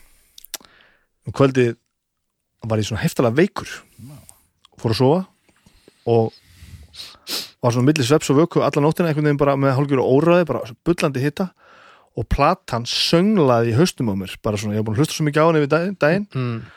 og ég myndi prófa að hlusta á hann núna og þetta er fyrsta skipti sem ég svona sett hann á og ég fekk ekki hérna veikinda tilfinningu Já, þannig að þetta er aðeins skemmtana fyrir mig svona í stendi tíð. Hún er pínu þrútin hún er svona, þú veist, það er meira 90 sound á henni, við erum komin 93 Nirvana er komið, þú veist er hann uppi og það, það er búið að gefa upptaktin svona bönd geta orðið eitthvað sko. Já, en auðvitað náttúrulega offsprings brjálaðið ekki komið ennþá sko. Þannig eru lög líka eins og All Good Soldiers sem er pínu svona að vera að prófa aðeins nýja hluti. Algjörlega sko þrútin ekki en það þarf ekki að vera neikvæð þá Nei, pródusjónin er bara orðin kannski meira Í svona sondi, hreinlega, Já, sko. en það er kannski líka verið eins að Mr. Brett er að pródusera þetta og hann náttúrulega líka bara að læra. Við erum ekkert að tala um neitt rúslega mörg ári hérna sko. Snerilsondi All Good Soldiers til dæmis er mjög skrítið. algjörlega sko. Ægilega k- svona kvell alveg skeri gegnum sáluna sko. Og mænuna mögulega þannig að þú fikk mænuskaða sennilega. Ef við viljum fara djúft í sögu Bad Religion þá getum við tekið þetta þannig fyrsta, fyrstu skrifin þannig 80 til 85 sem er sett á þessa plötu þarna og við tökum þá líka Into the Unknown synda brjálaðið með sko. en svo tökum við þessa fimm hérna. Suffer, No Control, Against the Grain, Generator og Recipe for Hate og þetta lokar pínu svona einhvernum kapla sko. ok, meira meira saman mannskapurinn búið að skipta hérna um, hérna, um trommara, svo sem þrjár plötur og tvær plötur. Ég er bara að læra sko. Og síðan gera þessa plötu hérna Strange and Fiction, hún kemur úr 94 94 um, hérna eru þið framan á henni. Þetta er mistu brett. Aha. uh, og hann er með þessari plötu og hann heldur eitthvað áfram rétt eftir að þið taka hann upp. En hann bæði uppfyllur af heroinni og sjálfsatri og, og hérna óreglu. Og náttúrulega hvenær kemur þetta er offspringbrjálega að byrja sko. Hvenær er smass? Var hún ekki 94? Jú, 90, þetta er bara, og veist, allavega þegar þetta er, og veist hann einhvern veginn ræður ekki við þetta og hann um, ég er nú búin að lesa alls konar útgáður á þessu. Greg Graffin vildi taka þetta lengra. Þannig að þeir fara að lokum af indie-labelinu sínu Epitaph Records. Epitaph hafi nú uppalega gefin út og Atlantic hafi sko læsensað hana sko. Hún er bara skráð. Atlantic. Já, ok. Það kannski endaði bara þannig hann, hann, hann seldi masterina eitthvað svoleiðis og Atlantic gefur þessa plötu út. Og Strange and Fiction er fyrsta platan þeirra á Major Label. Mm. Já. og og, stuð, og þarna ætlaðir að meika og ég meina, já, þarna fara að koma einmitt nákvæmlega? Ég bara heyrði þetta þarna á MTV sko þú heyrir þetta á MTV, sem segir okkur einmitt þetta. Þarna byrjar þetta, þú veist, að- að eiga verðið eitthvað. En þessi plata situr stálit eftir í hausnum á mér sko. Bara manstu ég sagði við að ég hef þetta að velja á milli svona, það var svona þrjár til fjórar viðbútt einmitt. Ef- ég ég myndi segja að það voru fjórar allt í allt. Ok. Þetta er eina af þeim. Aha. ég, ég geti alveg setið þetta sáttur og sagt uh, þetta er besta platin með Bad Religion ég hún myndi, er, ég hún myndi er, velja þessa. Þú myndi velja þessa? Já. já, hún er, það er eitthvað öryggið þarna já, hún er bara svona hún, að, það, já og það er svo góð lög á já, lögin fyrst og fremst. held titillagið er ekki eðlilegt. Ég held að þeir hafi líka haft rosalega gott af því að fá pródusert þetta er fyrsta platan sem, sem, sem, þið gera með pródusir og það er Andy Wallace. Mhm. sem hann alltaf búin að gera mikið að bæði pönkja þungur ekki frá þessu. Menn að bara, hann búin að vera að gera alls konar með Sepultura og hitt og þetta sko. mixed by Andy Wallace. Þetta er bara eitthvað setningin hann pródusir þessa blöðu sem er mjög áhugað ég held að hann hafi ekki mixað það sem er hérna á þessari blöðu það er til Andy Wallace mix. Já, jú, kannski mixaði hann þessa líka bara. Æ, ég maður það ekki. Að- og ég heldur að hafi haft helviti gott af því sko. þarna jú, hann mixaði hana. Hann mixaði hann líka. Já. þarna hins vegar gerist það. Þessi maður hættir, Mr. Brett. Fyrir að einbæta sér af eitulíðanæslu og útgáfyrirtækinu sínu sem hann náði að sinna nógu vel allavega til þess var framhúsgröndi hvort tökja að hann varð multimiljóner en hann líka beit til að frá sér allt fólk í kringu sig. Skil. hann var bara að fucking fá þetta og hann er fyrsti maður til að segja, segja það sko. Þessi menn hérna hinnir í bandinu þeir tölu ekki við hann í, í sko tíu ára eða eitthvað? Já, í tíu ár. Nema Greg Graffin, hann held alltaf í svona einhverju sambandi við hann sko, talandi um að Graffin sé ekki töff Já, hann kefti þennan jakka bara í kaufilæðinu sko, já, já. þú veist, hann er glæsilegu sko, þannig að hann hættir hérna og þá kemur umrættur Brian Baker úr, úr Mæn og Þrett Já, 94, 2001 byrja hann áttur já, Þannig að þetta eru ár. Brian Baker mætir á svæðið eftir þessi blötu já og þetta er stórt skarð vegna þess ekki nóg með að hann að vera að pródusera plötuna þeirra og þetta var svona svolítið þetta heldur var þetta alltaf Graffin söngvari og Guruvits Brett Guruvits söng, uh, gítalegari þeir sömdu lögin 50-50 sko. Aha. og lögin eru bara Brett eða, eða, e- eða Graffin Já, mín lög af þessari blötu, það er, það er Guruvits hann, hann, hann fer hamförum hans að plötu það sko. er Rose Better of Dead það taldum svona Ó, aðeins, aðeins öðruvísi lög sem að Hver er munurinn á þeim tveimur? um, sem lagahöfundum það er íþrótt að giska hvora á lagið Já. og það er stundum ma maður skýtur ótrúlega oft ránt Já. Ok, þeir eru Já. þá mjög mjög líkan Já, líka af því að hljóðheimurinn er svo afgerandi en sko eins og Better of Dead þar er sko forsöngurinn erindin eru meir og minna uh, rattað sko. Þetta er bara tveir að syngja í einu sem hefur ekki einhvern veginn ekki svona bakkarata söngur heldur bara annar frontsöngvari sem er samt hann líka. Ef það er eitthvað pínu vesen þá er líklega að það sé, sé brett. Já. ef það er bara mjög einfalt fullkomlega to the point og þú skilur ekki ákvörðu þetta er svona snildalega flott þá er þetta Greg Ha- hann er, hann er meistari þess að taka ofur venjulega hluti og gera það þannig á garði að maður bara hver er munurinn á þessu og þessu sem, að, sem þetta band er að gera? Þú veist, þetta, er, þetta er sama lumman en, en hér er þetta snild sko. það er sem að gera svo óbúslega vel. Heldur við ekki bara áfram? Jú, jú. Þá kemur þessi plata hér árið 1990 og sex, Sex. Já. 1990 og já, 6 Mhm, Greiris, mhm. þarna er Graffin að semja allt drastlið og þegar við erum að segja allt þá erum við að tala um líka textana þegar Mr. Brett semur textana mótunum líka sko. þessi plata var lengi vel bara uppáðs plata mín ég hlustaði svo mikið á hana þetta komum við líka einu hér komum við að því Já. sem við höfum talað um miljónsunum í þessum þætti þetta er skurðpunturinn fyrir mig Ok hér, hér er mér droppað inn Já, Strange já. eða Fiction er fyrir, Greiris er eftir. Ah, ég beið eftir Greiris, ég fór að kifta hann í bókabónu húsæk ég fór að hlusta á hana og hún er fucking snild. Hún oddi mér engum vonbröðum, hún er algerlega frábær. Hún er, all, og hún er svo ótrúlega góð. Og í, í, í sögulegu samingi og það sem ég er að fara að segja hérna eftir smávegis þá er svo undarlegt hvað hún er góð af því hún er svo rillilega góð. Já. hún er svo fáránlega góð. Ég, er, er, þetta er plata sem Rick Okkasek Já. pródusera það ekki? Jú, Kars, hérna Karkur jú, sem er maður. alltaf sem gerði alltaf bláu plötunum með vísir Já. skilji og var hann alltaf bara nýbúin að gera þessa hluti sko. uh -huh. og þarna heyri maður samt alveg þarna eiga er það bara herðu við getum getum orðið ríkir og fræðar á þessu Hvað segja þeir sem var ekki droppað inn fyrir þessa plötu um þessa plötu? ég held að þessi plata sé almennt mjög vel liðin Já, topparnir eru of góðir til þess að fólk geti fokkað inn það er til dæmis punk rock song, þekkir það ekki? This is just a punk rock song written for the people who can see something's wrong like grants in a colony where do out shit but there's so many other fucking instances out there. This is just a punk rock song. Ekki? þetta var alveg pínu hittari er í því. Jésús minn Pity the Dead. Þessi, þessi plata er bara næstu frá, frá er, er bara lag fyrir lag alveg sturluð sko. Ok,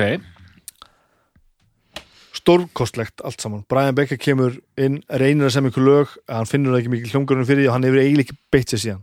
Ok. hann byrjaði í kjölfæra á þessu að fara mjög illa með sig, drakk og dópaði var akveitur og alveg voðalegur og, og bara alveg ógestlegur uh, dónalegur tilsvörum og svona bara óaðlæðandi þvalur upp á sviði bara. Uh, Jay Bentley bassaleikari uh, mikið fyllibita og dópsti og hefur þetta þurrkað sér upp. Þeir eru báðir eitthvað í dag, Jay hefur alltaf verið svona likeable Brian Baker var bara ógæstlegur í dag er Brian Baker bara hann er bara eins skemmtilegur og getur hugsaðir sjá hann bara, farið bara fylgd, fylgdu Brian Baker á Instagram, það er bara skemmtilega sem hún gerir. Hann er ekkert eðlilega skemmt, nú er hann bara svara viðtrum að fullu, bara YouTube, bara með svona mic, svona eins og við erum að tala í, bara einhver svona stúdíu heima á þessi, bara já, eitthvað, segja einhverja brandara og eitthvað, og bara, og bara ó, og, og, hann er á góðum stað. Já, og bara byrja að fara að hjóla á fullu geðu ykkur formi alveg og bara glæsilegu sko. Hann átti fjögur lög með grafin á, já, hann reyndi þarna. Já. en eftir það hefur hann ekki gert neitt. Og ekki, þetta er nú ekki bestu lögin. Hafði hann vit á því að hætta eða Hann segir að hann hafi bara- nei, ég held að það, það er engum bannað að vera með. En þessu var bara einhvern veginn þetta passaði ekki alveg, alveg Það er svo ótrúlega hvað þessi plata henni góð af því ég man mjög vel eftir 1998 Hei, þegar No Substance kemur út og ég, ég hljóp út í búð og kefti hana. Fór með hana heim, hlusta á hana. Hlustaði svo á hana aftur. Og eins og niður við bótt og bara, það er ekkert þetta sko. það er no substance. Það er bara eitt sem þessi plata hefur með sér. Það er frábært henni. Ég man eftir sumslega hún hljóma mjög skemmtilega. Eh, ég hlusta á hann núna í aðdraðan þess að þáttar hún fer ekki ofta á hjá mér sko. Hauku við er duglegu að segja ykkur, hann er mikill batalítsum maður uh, duglegu að segja ykkur að hún sé ekki að bond og, og við séum að halda fram. Og það er rétt hjá hann, hún er ekki alveg að bond og ég er svona, er bara þetta er þú veist, ótrúð með, með frásegja þá er þetta vond plata sem eldist vel. Þú veist, ég held að hún hafi skánað eftir því sem tíminn líður en ég er ekki búin að hlusta á hann í mörg ár en í minningunni er hún líka bara svo lit hún er svo linn, það er það sem er aðinni Þa, það vantar hérna Shades of Truth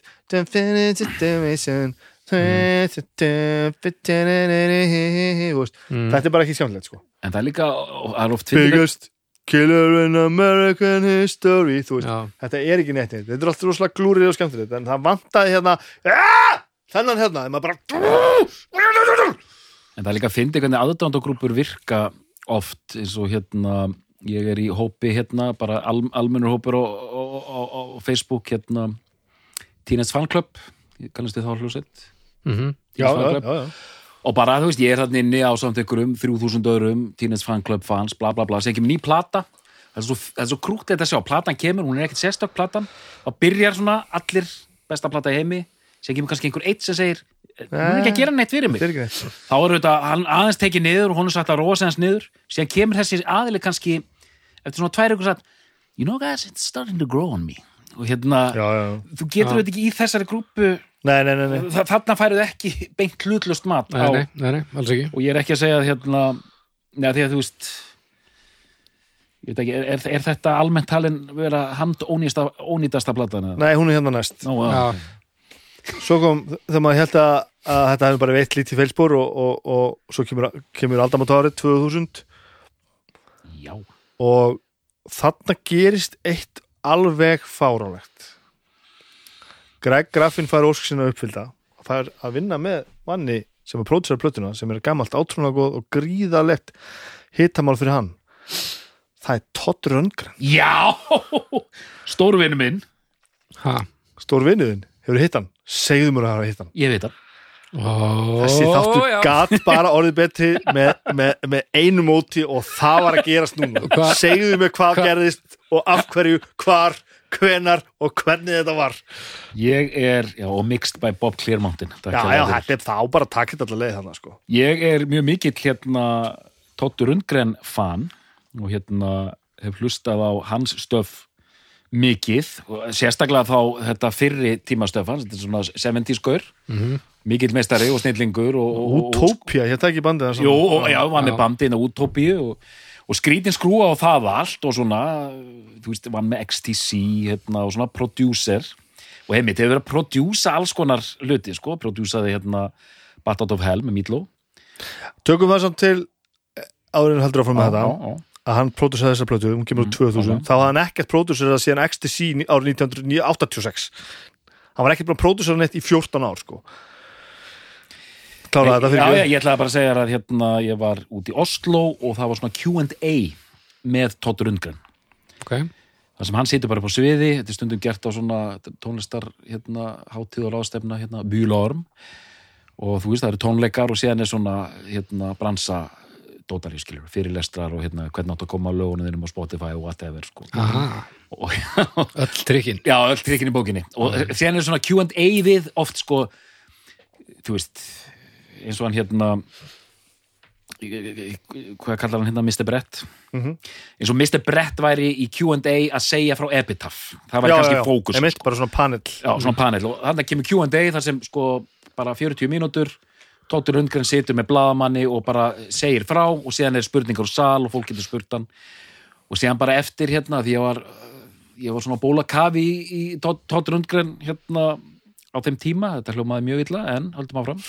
Uh, ég bara lappaði upp á honum hann var svona, hann var færi og hérna, ég bara, ég þorði að spurja hérna fyrst sagði ég bara, ég er búin að læra þetta. Þegar maður hittir einhver svona fólk sem maður hefur álita á eða, eða er, er að pæli í. Ekki, ekki tala mikið. Ég, og nú hef ég bara reglu, ég kom upp á hann og sagði thank you for the music Todd. Og hann bara, ó, já, það var lítið. Og síðan þorði ég að segja, er ég leið að hérna taka hérna sjálfu? Og það er til svona mynda mér og Tóttur Undgren hérna, gýr okay. en þannig var nú það en hann sem sagt kemur. Það var ekki meira sko. Nei, hann kemur þannig sko, og, og Producer. Já, lögin sem eru, eru til fyrir þetta eru lítið mótuð og, og riffin eru ekki neitt sérstaklega djúsi Brian Baker og Jay Bentley hún er tekin upp í Hawaii eða eitthvað djöflin? Ja, hann á heima þar það passa það ekki. Og þeir voru basically bara inn á strönd og þeir, þeir bara nendu þessu ekki. Greg Graffin tók þá þá greinlega, þú veist og líka auðvitað orðin pínu þreyttur þú veist, hann er búin að semja öll lögin þeirra á, ásamt þess að vera læra að vera doktor í, í hérna, líf, hérna í þróunarlífræði mm. evolution in biology hvað þetta, Já, já. hvernig þetta útlegst nú allt saman. Kollegi þinn? Já, já, já, uh, og bara svona er að leita einhver nýju bensínu og þetta er bara gamalt átrúnag og hún finnst þetta geðveikt sko. já, já, já. Todd Rundgren er maður sem hefur alltaf vilja vera að prófa eitthvað nýtt. Mm Já, sem auðvitað Ok. gott. Já, já. árið 2000 var það ekki gott. Þegar,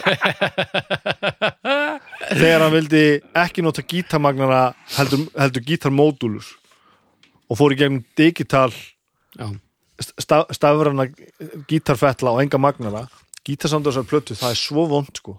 Það er, það er bara svona frumstætt line 6 já, mannaskýt það er samt samt sko. aðeins betra en coverið hvort En- coverið, af því það eru tvö cover til af- cover, hitt er mjög vond líka. Hitti betra. Það Þetta- aðeins betra, þessa er þannig að bara Todd Röndgren hafi bara drullað þeim á ko- cover bara sjálfur. Þetta er svakalegt sko. En aðdán á Rundgren getur meðal hans útskýrt þarna hérna Into the Unknown.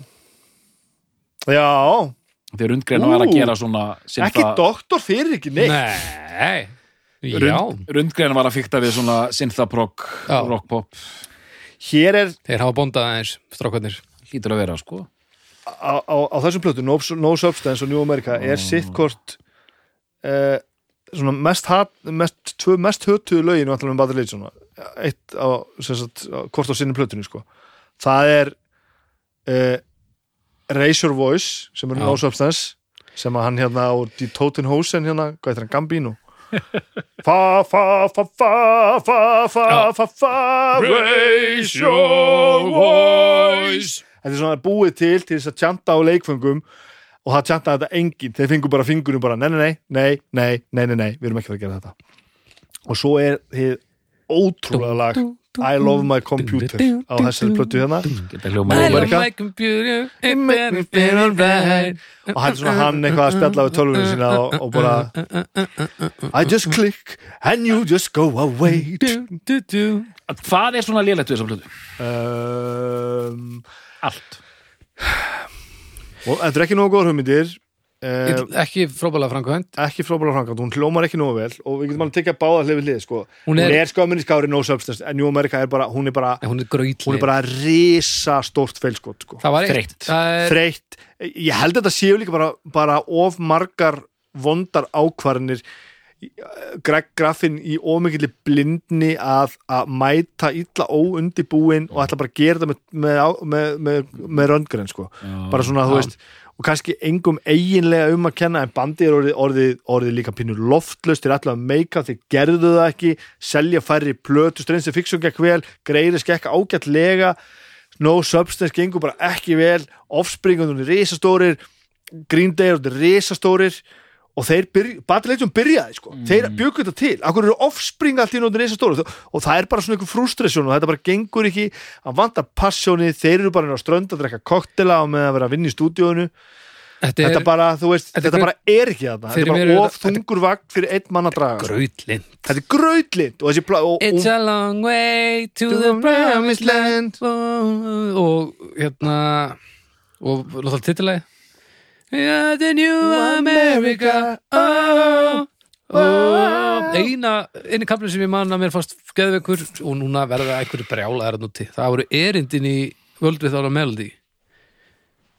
Eh, I don't wanna live in a world þegar without a dung, og byrja hana, byrja dung, dung, það var, hérna, svekkjandi á þessum árum þegar maður vissi ekkert, maður fór út í búð, keifti plötum uppáhalsbandinu sínu kemur sér heim og sem gerist ekkert eftir þriðu spilun maður bara, hvað er í gangi sko? Mm. Þetta er, þetta er, Þetta er- og, og þetta var svo erfitt sko, og, og ég man, þarna, þarna vissum við bara ó hvað þetta var geðvitt band Já. og er að hafa mist á akkur gæti þetta ekki bara akkur var ekki meira á tanknum bara, en veist, bara takk fyrir allt sem þið gáðu okkur og bara vondur líður ykkur vel. Svo ég sá einu- Badri sem spilaði fyrst skipti í Dusseldorf á þessum túr, New America túr þá var ég að fara út bara eitthvað að flækjast og vissi ekki hvort ég kemi heimatur árið er 2002 nei. Jú, árið er nefnilega 2002 þetta er ekki þessi túr. Þetta er, þetta er rétt fyrir næstu plötu. Hmm. en allavega ég kefti manni með hérna New, New America hérna, peysu með hérna eld hérna logoðunum þessu dóti sko. Og e, e, já, býttu nú við nei, ég sá þá. Nei, ég er ljó ég er ljó, ég sé á 2002 það er, þeir eru þeir, þeir eru að byrja að túra þetta hérna. Það, það lifir bara svo mikið af hinnu draslinu ennþá. já, já.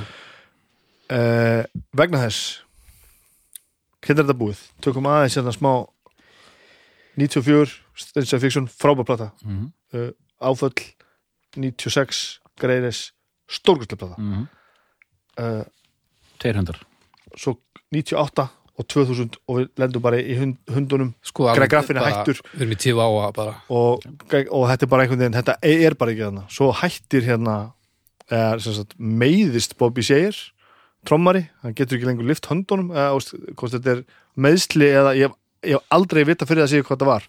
Mm. hvort það eitthvað, ég, ég býtu jú, býtu, gott ef það var ekki í bókinni hann hefði fengið eitthvað ofan á sig, hann getur ekki trommað, hann getur, öxlin á honum er bara í jóla, hann verður að hætta og finnst það helviti harkalegt sko Þannig að það sjang það er nýju trómuleikari, Brooks Wackerman Mhm. það sem að gestur á New America er eini svona ljósi punkturinn það að þeir höfðu tengst aftur graf, Graffin og, og Mr. Brett og Mr. Brett, hann semur eitt lag með Graffin fyrir New America sem er ekkit, gerir ekkit neitt að þessu, þessu lagi sko.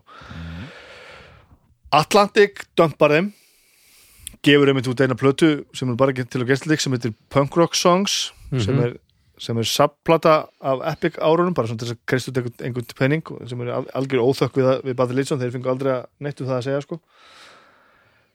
um, árið 2002 kemur þessi plata já, Process of Belief. Mhm. ok. Og þetta geti verið besta plata um Badi Lýtsson þeir eru komnir aftur. Back on track. Jep. Og, og, og, og þegar ég segi svona og við séum mikið að búið til einhverja, einhverja, einhverja Hollywood bíómyndi, gæti verið besta um Lýtsson nei, hún, hún, ég var í alveg að pæli hvort ég ætti að koma með þessa plötu er þessi plata hérna hún er- hún er, hún er algerlega rugglu sko. Hún er svo hryllilega, svakaleg. hryllilega, hryllilega, hryllilega góð sko. Þetta er fullkomin UBA sem sagt já, Mr. Brett kemur bara aftur búin að þurka sig upp, þeir tala saman hreinsa andrúsloftið fá semja nýjan, allt saman fá nýjan trommara sem að sem að heiti Brooks Wackerman sem Já. er komið víða við ja, og hafði þá náttúrulega verið í Vandals og, og Vandals og hann er skráður hérna Suicidal Tendencies Já, og, og. Blíkunni til og Korn og Devin, Devin Townsend já, það er held ég eftir á sko. og Tennessee D og Avenged Sevenfold hann er alltaf, nú, í dag Já, er Brooks Wackerman komið víða við í, Brooks núna, sko. Wackerman er það góðu trommari að í dag er hann trommari í Avenged Sevenfold Já. ok, þannig að góða fréttir The Process of Belief. Þessa plötu heyrði ég fyrst ólulega þá var hún ekki komin út, hafði lekið út á, út, út á internetið, Kalli Reyðars fann hann á okkur um FTP-server, hafði engan sérstaklega áhuga á þessu sjálfur, hugsaði til mín. Já. hlóði þessu niður, ég kerði inn í Lögadal sótti þetta á brendum disk, setti þetta í bílinn. kallalegt. Og ég hlusta á og fyrstu þrjú lögin eru bara svona 1-2-3 punch, þau bara fucking drepa rosaleg. Það er bara supersonic, prove it og can't stop it. Og ég bara, og ég hlusta bara út í bílnum og bara nei, nei, nei, nei, nei, nei, nei! Og ég man bara ennþá bara, ég bara hvað er að gera, hvað er að fucking gerast? Það var búin fyrsta með- lagi grótart sko- og bara gamla aggressjónu komin aftur og Brooks Wackerman hann svo góður trommur sko. Ha- hann er svona hann er svona maður sem kemst á topp 10 listan yfir bestu trómar í heiminum sko. mm. Bobby Sayer hafi verið glæsilu trómari Pete Feinstein, þetta voru bara svona pönkarar og sumir segja bara Bobby Sayer eða Pete Feinstein, þetta þetta eru einu, einu trómaratir í Bad Religion Eh, nei, nei. hann lifti þessu bara á eitthvað plan Brooks Wackerman, gerði þetta ógeðslega smeklega Ok. hún er pínu, hún er progressífari heldur en á undan hafði komið aðeins. Okay. en það það kom bara eitthvað nýtt og það kom bara lag eftir lag, text eftir texti melodi eftir melodi og þetta, þetta bara Og þetta þessi- flengdi mann Og bara. þessi Þetta er fyrstu þrjú lög, hvað er þetta? Fjó, fjóra Það ára mínútu það eða bara mestalega fjórum myndur og komir óvart já, já, þetta var bara Það óvart, þa- þa- og þetta var bara, mér leið bara eins og ég hef komið bara með hausinu upp, upp á vatninu og þetta er bara, næ, þetta er bara þetta er allt í leið, þetta er allt í leið, þetta er allt í leið og mjög gott Vakkermann þessi náttúrulega er hérna, hann er einhverju Vakkermann fjölskyldu hann bróðar hans og pappans eru einhverjir, einhverjir ægileg spaðar sko. Vakamannar. uh, pappans er einhver einhver, þú veist, eitthvað Vakkermann sem hefur gert eitthvað risastort sko. Mm. og þarna bara komu þeir alveg tilbaka sko. og það er allir sammála um það þessi plata er bara, þú veist, Sorrow er þessari plötu sem að var ansi stór hérna uh, there, there will be no there will be no no sorrow no more Þetta, Þetta, fékk þetta, þetta var af, spilað alveg helling sko. fullt af spilun. MTV, MTV og alls konar dót sko. drullun, drullu flott lag. og þessi plata er hún, ég er bara hlust svo mikið á hana sko. já, nú man ég hvernig það var nú man ég hvernig það var getur þú flett upp deginum sem hún kom út þessi plata Process of Eh. Belief, þetta er 2002 22. januar. ég, 22. janúar, ég fór út rétt eftir jólin og hún var ekki komin út og vikunni eftir þegar ég held ég var að að búa á Spáni að þetta fikra mig eitthvað upp blankur og villus, þá kom hún um mitt út og ég keift hana eftir ég á búin að sjá bandið það sem var merkilegt við þetta gig sem ég sá þarna var það að ég sá Bathrið sem spila með þrjá gítarleikara á sviði Mr. Brett spilaði þetta með þeim hann er bara spilar aldrei með þeim live hann er búin að vera í bandinu síðan þetta, þetta var hann spilar aldrei með á tónleikum. Hann gerði það lengi verið hann að framan af þegar að tónleikandi voru nógu nála þeima hjá hann hann kemist bara heim að já. að því hann er bara að reyka business og bara nennur sér ekki hann bara vill ekki gera þetta, hann vil bara semja lögin og pródusir og hafa gaman sko. En uh, hann er hættur í núna þess að hann bara, hann ræður ekki við hann spila aldrei á gítar hann bara getur ekki spila lögin. Þannig að þetta gerðu þetta og þeir pródúsiruðu þetta. Ég held að eru þeir ekki tveir skráði fyrir er þetta ekki bara bara Brett og Greg Graffin eru bara skráði fyrir pródúsinu þessar plötu, er ekki rétt munið að mér? Uh, þeir eru skráðið fyrir próduseringu Gúruvits er að mixa nema lag nummer nýju sem er Epiphany. Terry Terry Finn. Terry Finn sér um það? Uh, sem er búin að taka mikið af pönginu Þannig að hann faraði tilbaka í, hérna, í, í pródúseringamálum, fara að taka, taka það sjálfur sko. mm Þetta er 2002 -hmm. Það sem gerist næst er það að kemur plata tveimur og setna sem heitir, heitir Empire Strikes, Strikes First. Ok. Eh, Það eru mjög margir sem að setja þessa plötu mjög ofalega. Já, frábær. Mér finnst hún á- alveg ógeðslega skemmtileg. Í, í haustum á mér renna næstu þrjár plötur okay. Empire Strikes First uh, 2000, 2004 uh, New Maps of Hell 2007 og Descent of Man 2010 er ekki með ástöðunum rétt á þessu mm, Jú renna einhvern veginn saman í eitt 2007, en það er eitthvað í 2010. höfðunum sem gerir það, það þetta er pínu hérna, Ólíka þetta er ós, ósangant sko. Uh, Empire Strikes First, ég var að hlusta á þetta núna að því ég vildi aðeins greiðu þessari flækju hjá mér sko. já. þetta er platan hans ég fá inn sko, Joe Baresi það er ekki rétt hjá mér mm, ein, ein af sko, þetta er held ég Ha, Nei, Nei. jú, recorded and mixed by Joe, Joe Baresi, algjörlega. Og þeir pródusera hann og þeir fá hann með sér gamla, hérna, þú veist hver er. Hann hefur gert allan, allan anskota með hérna að bara já, fullt af jú. og það sem gerist hérna Hann er unnið með stamina. Já, það, Já, okkar mönnum, vel gert. Það sem gerist hérna er það sérstaklega ég fyrir að hlu- hlu- hlusta á þetta núna Brooks Wackerman, hann er svo hildilega góður á trómur og hann er svo metal-oriented sko. Að það fyrir að smita svolítið mikið í músíkina ok en, en, en ég meina Sinister Rús, Overture, þessi Já, lög eru já. bara, þau eru, fokkin geðveik sko. ég set þessar plötu með Process frekarinn í hinn og það já, já, ekki geðum hel- heldur í hérna og ég held að það sé nefnilega rétt hjá þér Nei, ég, ég set það, ég, jú, ég upplega það sem svo, svolítið leiningu, sko. þú splæsir þeim saman frekar en sem ég var að segja Já, Já, og ég held að það sé rétt hjá þér sko. með, Já, með Process of þessa Belief og, sko, að því að nú ætla ég að hérna, koma með mína gríðarlega miklu þekkingu á Better Religion 2007, Er það ekki rétt hjá mér að þetta sé svona throwback? Plata? jú. New Maps of Hell er augljóslega samin til að vera þróparplata mm, og ég, þetta er bara eitthvað, í- eitthvað í höfðun á mér hvað ég er að gera í lífinu, hvernig ég veginn Já, og, sem og það, tengir þetta það. Það sem er að gerast núna í þessu raunni er það Process of Belief, best. Mhm. stoppaði mig baldur eða ekki sammála Empire Strikes First, sem er næsta plata 2004, hörðustæðum mm hún er, hún er, hún er helviti þung sko drífandi. svo fara þeir í Smá new, metal. new, já og svolítið svona progressífu metal svona stundum svona, en það er líkur aðalega í, í hvað maðurinn er óþræði fullur á trommur sko. Ok Hann er held að það er þekkt á nógu illa hérna Process of Belief til að bara haga sér eins og maður og vera pinn í bandinu sko. en nú er ég ekki að tala íllum hana af því að hann náttúrulega einhverju leiti bjargaði hljómsdynni sko. Ég ætla líka og bara, hann var að biðja um að hafa, hafa hægana því að kemur New Maps of Hell stórkostleg plata. 2007 Þetta er stuð og lastu þangstöðar hún hefur verið markvist verið þrótarplata af því að hún er það sérstaklega ég hlusta á hann núna bara, þeir eru bara að reyna að gera sem voru að gera á gæsti grein það eru bara sömu stælarnir sko. Já, sko, án ábyrðar Mhm. og ég er auðvitað, þú veist, ég er með hann 20 blöður sem ég er að heyra nánast í fyrsta skipti, sko þessi plata, ég 17, bara já. las eitthvað um þetta að hérna, þú veist, hún væri bara grjóthörð, ég rúlaði henni, hún er grjóthörð Mhm. síðan las ég um þetta, sko að þetta væri bara hérna, þetta væri bara einhvers konar gjöf til hérna aðdónda og þetta væri svona throwback í bara hvað er þetta fyrsta platan?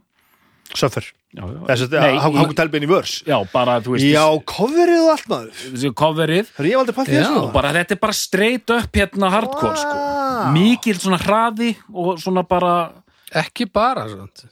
Hún er ekkert, ég upplýði hann, ég ekki sem svona, ég, þetta meikar samt algjörlega sens þegar búið að segja þetta Alveg klálega að einhverju leiti kannski og fyrsta lagið er þetta bara yfirlýsing sko. 52 já. seconds Já.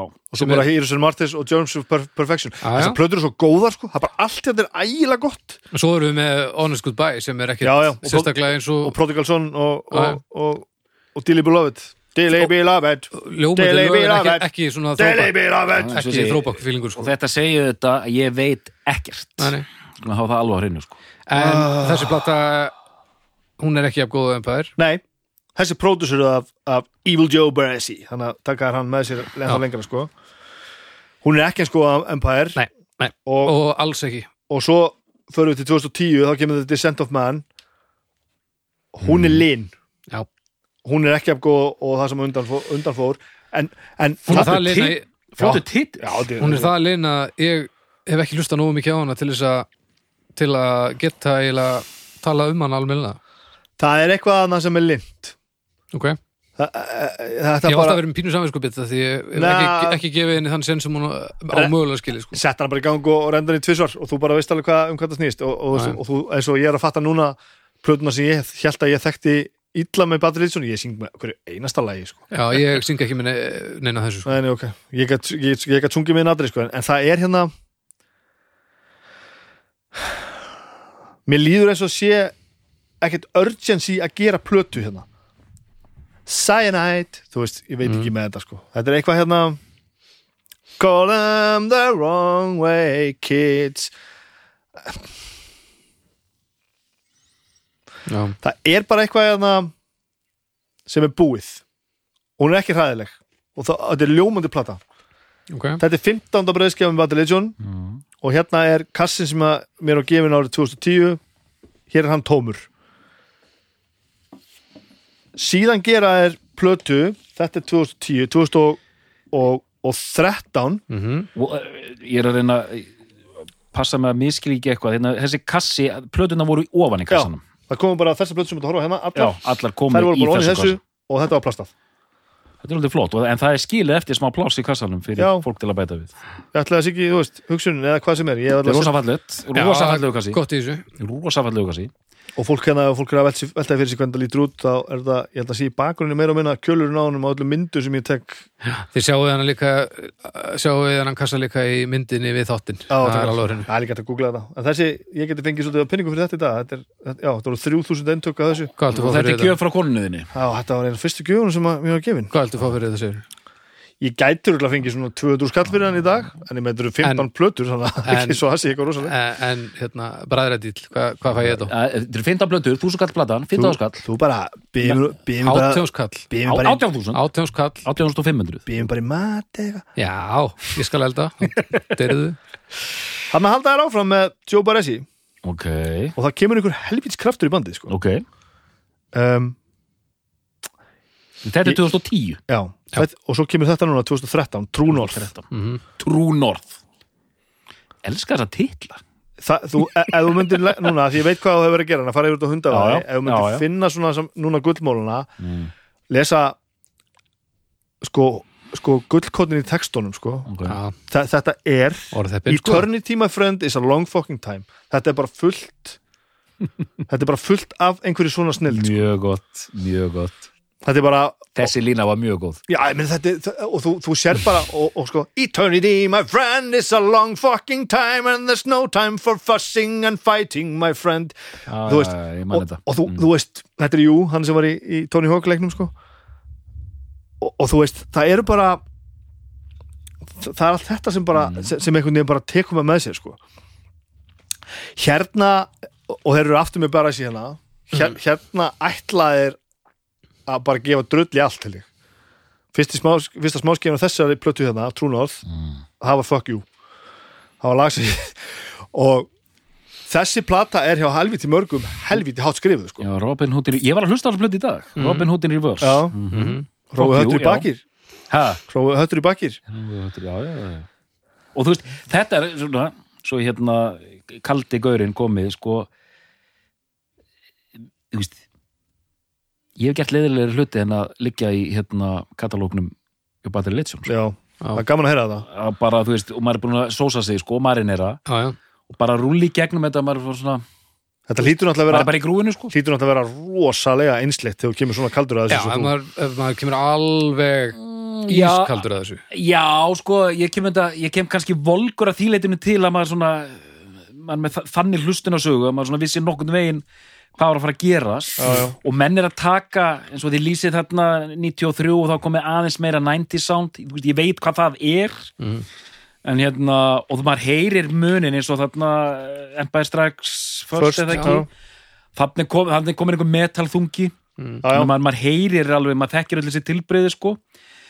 En ég er alveg samanlega sko að laga smíðanar einmitt, þá þarf ég að vera í næsta hálfu árið nokkur ári ef maður ætlar að fara að ná að skilja þar á mig Að þá er það bara orðið mjög einsleitt sko. En bara, þú veist, Against the greina þetta í sundur. Hei, já, já, já. Mjög gott, mjög gott. En fyrir svona pönkara sko, þá bara já, já, ég minna, þetta er bara þetta er bara allt saman dásanlegt sko. Og þarna var greinilega þú veist, ég, ég, Against the greinilega. Woo! Heru, já, við megum ekki missa svona brandara sko. Ó. well spotted.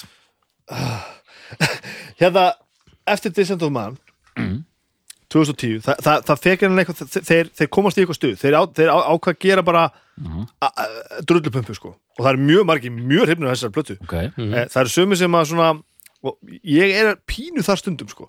Ég er ekki vissum að svona fulláttu menn komist alveg upp með að gefa út lög sem heita Fuck You. Já, ég, Ah, skil. bara- hvað það meina. Mér, mér finnst þess að hefði þurft að vera 22 ára max sko. Já, þú veist, eh, maður hefði gett ef það heiti Fuck you, please já, er það Nei, þegar þið nefnið þetta, ég var að hlusta á þetta í dag á hjóluna að sjálfsögðu. Ah. og, það, og það var einmitt þegar ég heyrði þetta lag Fuck You, þetta svona sleppur til en maður er samt svona Já, Hmm.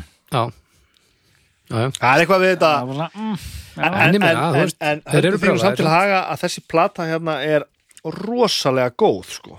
Hún er, og hún er alveg helviti góð. Og hún, hún er hérna er einhver, það er einhver neisti á henni sem skilur sér algjörlega í gegn Þessar þrjár síðustu, ég er búin að vanna ekki þér þessa líka Já. það sem gerist Fáránlega. hér er það þessi plata kemur út þannig einhvern tíðan uh, vorið að haustu eða eitthvað mm.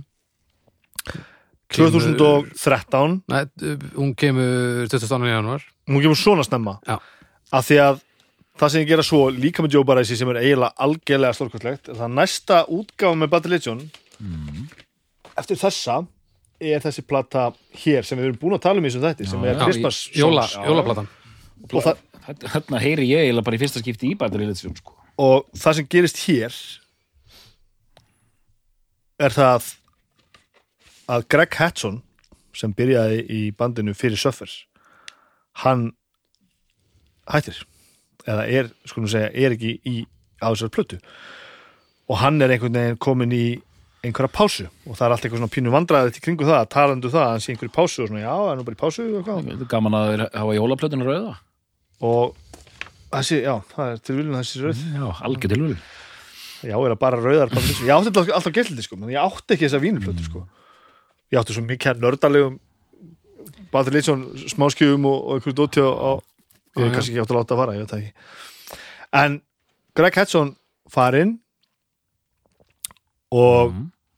skilja við konuna sína það er eitthvað svona pínu einhver, einhver leðenda ábeldisrúmur í gangi með eitthvað sko, hann hefur mist sig eitthvað.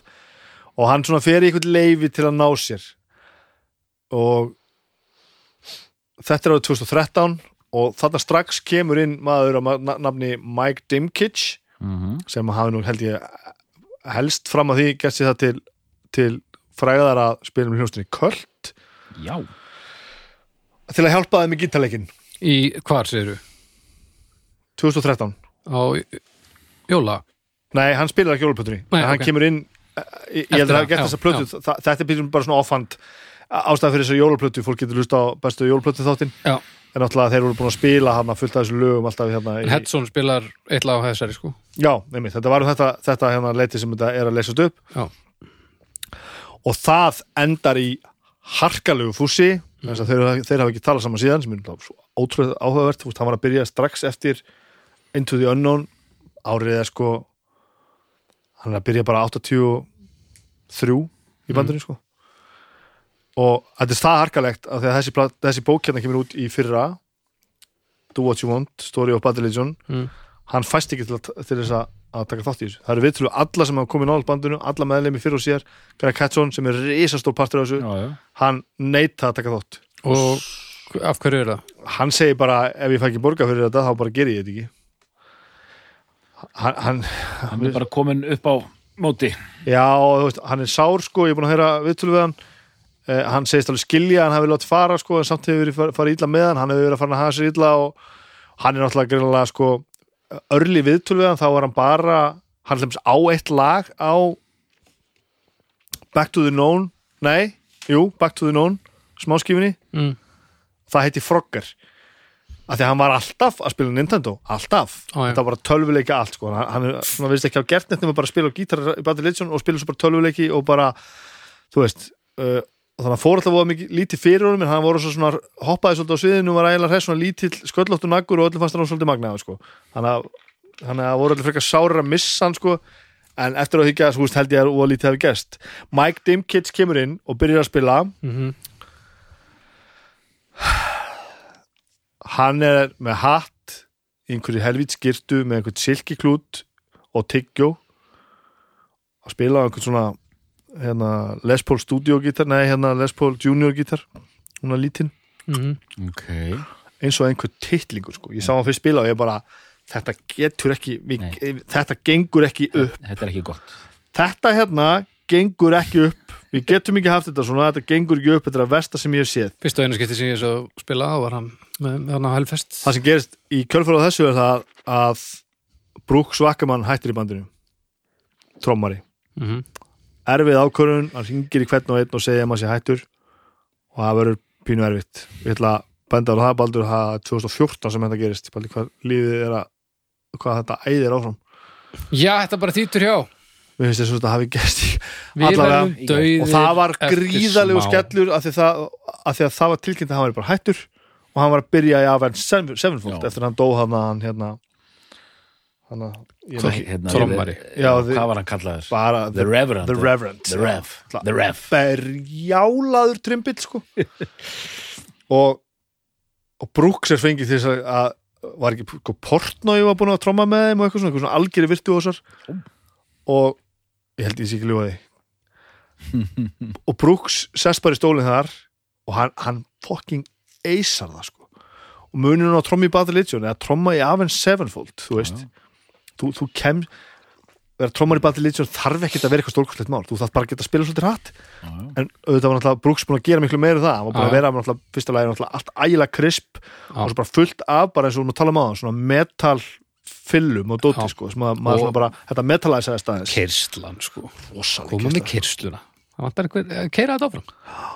Hann var komin í bandi þegar ég sá að spila hann 2002 sko, Já, þannig að ég sá Bobby Seger aldrei spila og náttúrulega ekki, ekki Pete Feinstein. Við spilum svo með þeim á Hellfest. Já. 2016 17 Já, já, eitthvað svo leys Spilið þið með batterilist? eða bara sama fe- festivali sko. Já, en þú veist, Glæsilegt. já, Hellfest Það er nú Já, svona já, Bobby tók alveg myndir og svona veist. Já, flott, glæsilegt. Og þannig að þeir bara spila á degi til á, á, á sviði þar. Dimkits hann með helvítstyggjóið og, og eitthvað. Hattinn? Og, Ég, ég er þegar farin að hata og þá var komin nýr trómari og það var helvíts harka að þurft að finna nýjan trómara sko. Og, og, og maður var náttúrulega bara svona við erum búin að missa Hetson komin einhver helvítis einhver, einhver glerugna hattur með tyggjó og Brooks er farinn sem er náttúrulega bjargaði bandurum með Prosopil í 2002 og hvað gerist hérna? Við fáum Jamie Miller á trómur hann er gítarleikari í, í hérna er, er hann ekki trommuleikari en You Will Know Us by the Trail of Dead Ok. Já, ég held að sé trommuleikari þar. Hann spila á gítari hérna allavega, bara svona gaur. Ok hann var gí- gítarleikari og, og trommari And you will know us by the trail of dead sem er náttúrulega fyrirtaskendilegt band. Já. Og Hann komin á drómunar hann er komin á trommunar, bara svona slikk gaur greitur aftur, svona brósandi svona pínu töffari, hans yngri og svona bara og maður bara svona, ok bara koma einhverja, myndir á netið bara nýr trommari eitthvað, að þessi kalli hann eitthvað svona hálft á andlit svona eitthvað, hann er með hann og Jay Bentley eitthvað, vei, vei svo bara, þú veist, fóru fyrstu giggin að leggja eitthvað á netið og við sáðum að spila. Hann er geðugur Ok ekki nóma þessi geðugur, hann er svona frábæra trommur sko, heldur kom punk elementið aftur sko. Eins og Brooks hafi verið geðveikur sko og ekki miskjæla mig, það var rosalegt að fá hann. Þá bara fengum við hann tilbaka bara einhvern svona Hardcoreið. trommaður hratt. Já, og, og það sem er svo ótrúið með Jamie Miller er það að hann leysir það sem að það sem að Brooks gerði sko. Veist, hann getur spilað þetta og gerir það ógeðslega vel en það verður einhvern veginn eins og punkari sé að tromma það sko. Meira offors. Já, meira offor sko. Og það það, það erum við að sjá þannig að hvenær erum við á halvfestinu að frétta við Bara hann eitthvað, 2016, 17 rúglega og 2000 þessi plata 2013 og 2019 kemur plata. 2016 erum við hann 2016, já, það passar. 2019 2019 kemur plata sem ég á henni tvíriti þetta er nú Já, Ég er búin að hlusta talsvert á þessa plötu. Age of Unreason. Elmi ég á henni tvíriti vegna sem ég er að gefa nú um daginn í steggjunni minni. Árið töðaðum öllum. Yey Ólafur Torfi gaf mér þetta þegar ég var steggjar og ég fór náttúrulega að sé að gráta sko. Hvað. Þessa plötu gerðu þeir og maður svona vissi ekkit uh, við hverju maður átt að búast sko. svo fór að koma einhver viðtöl við það og eitthvað og þarna var alltaf Brian Baker orðin svona helviti fitt og flottur hættur að svona, svona, svona, svona þvalur og feitur og ógæstlegur hættur að drekka. Kemur ljósa hann og Mike Dimkits eru orðin svona miklu vinnir þeir tengdu svona helviti vel. Mike Dimkits svona ægilegur hjólakall hjólar svona mikið alltaf út að hjóla hafði rifið Brian Baker með sér út á hjólið. Já. Svo fara að koma viðtöl við þess að kalla til dæmis Dimkits herðu hann er svona glæsilegur. Öll viðtöl við hann. Já, já, eina á glærum og eina á svörtum vínil þessi áritaðar á svörtum vínil. Ég kefti hinn á glærum. Þetta er glæslegt uh, hann er svona glæsilegur maður. Hryllilega skemmtilegur og bara skilur þetta allt saman. Og ég er ekki með eitthvað vesen og allt í nú fór maður að horfa á, með, með hann með klútinn upp á sviðinu og tyggja og bara þetta er bara magna hjá hann honum líður eitthvað svo vel að það þetta er allt í lagi. Og ég beði freka spenntur eftir þessari plötu sko. Já. ég vissi ekki við hverju maður átt að búast. Ég tók hana þegar hún kom út og hlustaði hana alveg í drepp Mhm. ástæðan var svo að ég og Agnes vorum búin að ákveða það að fara til Seattle og þunga meðan í því var við, við, við tíma settum það bara þannig að við myndum fara til Seattle þegar að Battle Legion var að spila þar á Showbox Showbox Auto Já. og alveg fórum bara til þess að sjá bara við þannig að það var túrin að plötu nýja mannskap, við vissi að það er mikið spilað þessar plötu, þannig ég hlusta á hana mjög mikið. Og þessi plata, hún er algjörlega frábær. Ok, ég held að stórpartur af því að þessi plata er svona frábær það er eitthvað pínu nýtt í henni sko. Ég held að Jamie Miller spili ótrúlega rulluð þarna sko. Mm. hann er maður sem að kanna sem er lög. Hann er, alltaf, hann er komið mæk hann syngur, aldrei sungi aldrei, trómar aldrei sungið í Legion sko live. Syngur, ratt, syngur rattir sko. Rattir það hefur mér alls ekki alltaf góða live. Jay Bentley á, á aldrei að koma við mæk hann gerir það alltaf, það er frábært. Og mér líður svona eins og þessi plata hérna sé þannig að gömlu menninir, Greg Graffin og, og Brett Gurevits hafi fengið svona aðeins yngri strák til sín sem kannið allt og þurft að sína hann hvernig á að gera það herðu, Jamie, ég var að semja lagina hlusta á það, við viljum að taka þetta upp tromma þetta svona, þú veist, þeir gátt ekki mér líður nefnilega eins og Descent of Man Mm. og True North, líði eitthvað fyrir að menn séu aðeins komin einhver þægindagi sko. hann er bara aðeins bara stokk, stokk upp í þessu Mm. komin, þú veist, Dim Kidd sem greinilega bara rífur svolítið mórun upp, hann er greinilega ógeðslega skemmtilegu sko. Og svo bara með sem ég er farin að sjá betur og betur ég held að sé helvits, helvits mikil virtuosi Jamie Miller hana Mm. á settinu fyrir að það var drullu góður, á, á trommur sko. ég held að hann haldi þeim bara svolítið að verki sko. mm. þú veist þeir, þeir, þeir hérna þeir, ég er ekki sem hann sé beint að setja pressuna á þá ég held að þeir sem setja pressuna á sig gagvart honum bara, þetta verður í lægi, þú veist Dayside pínu þannig, sko, Já. nákvæmlega sko, eins og hverjum gerir D-Side, þegar bara einu fór bara að semja D-Side lög, sko Já. Ég dvaldi svolítið við þessa plötu. Þú gerði það, Já, já. gott að hera að maður gerir það stundum sko þegar við höfum verið að fara í gegnum svona bönd sko, og- oft nýjasta platan sem að dölur aðeins við sko. Já, Já. og, og bara bara gaman, flott. Já, bara, það, var, það er einhver svona hvernig getur maður orðað þetta, maður heyrir bara ákveðin tón. Já. Bara svona, mm, já, já Já. já, það hefur bara verið gaman á ykkur. Já, já einmitt, það er, það er þetta sem maður heyrir sko. þessa á Bara, ég bara eftir alveg, ég held það bara. Já, þú verður bara að laga það sko. já, já, ég veit það. Það er líka mjög áhverð að þannig að fá þér inn producent sem heitir Carlos de la Garza. Jep. uh, helviti sví er alltaf maður? Sándið er- alls ekki. Það held ég. Að ég var að horfa á olimpíuleikana ég, ég er að fatta það að þú getur ekki lengur sko treyst á neinn nöfn. nei, já, mennar, já, já. Sá- þetta geti bara mjög vel verið sví sko. já nei, nei, hann, er, hann er bara Sándið er mjög svona Latin Amerika, Mexico, Guatemala en er Sá- kanni Sándið er mjög svona modern eða ekki Jú. Svona, ram, svona, ég leið svona bara ramstæn eða eitthvað sko. Mjög Bínu svona- þannig, Já. er með þú ert með nýjan trómara Bara- og nýjan gítalegara mm, um, og einmitt svo slikk Já, já, grammi Já. producent Já, þannig er bara já. á hann á grammi velun sko. og einmitt ég held bara að þetta sé ekkit vond hugmynd þetta er bara, Nei, ég meina, mér finnst þetta virka bara mjög vel sko. og svo sá ég að spila 2019 í Seattle ég fór að hágráta þeir voru ekki eðlilega góðir og það var svo gaman hjá þeim og ég held að það sé stór partur að þið, þú veist var bara nýtt blóð. Dim Kitsch með helvitstekjóið alveg glæsilegur hana Jamie Miller að berja þetta áfram. Spiliði lögin ykkar. Ég er aðdándi, spiliði Strange of the Fixer, spiliði þessu menn.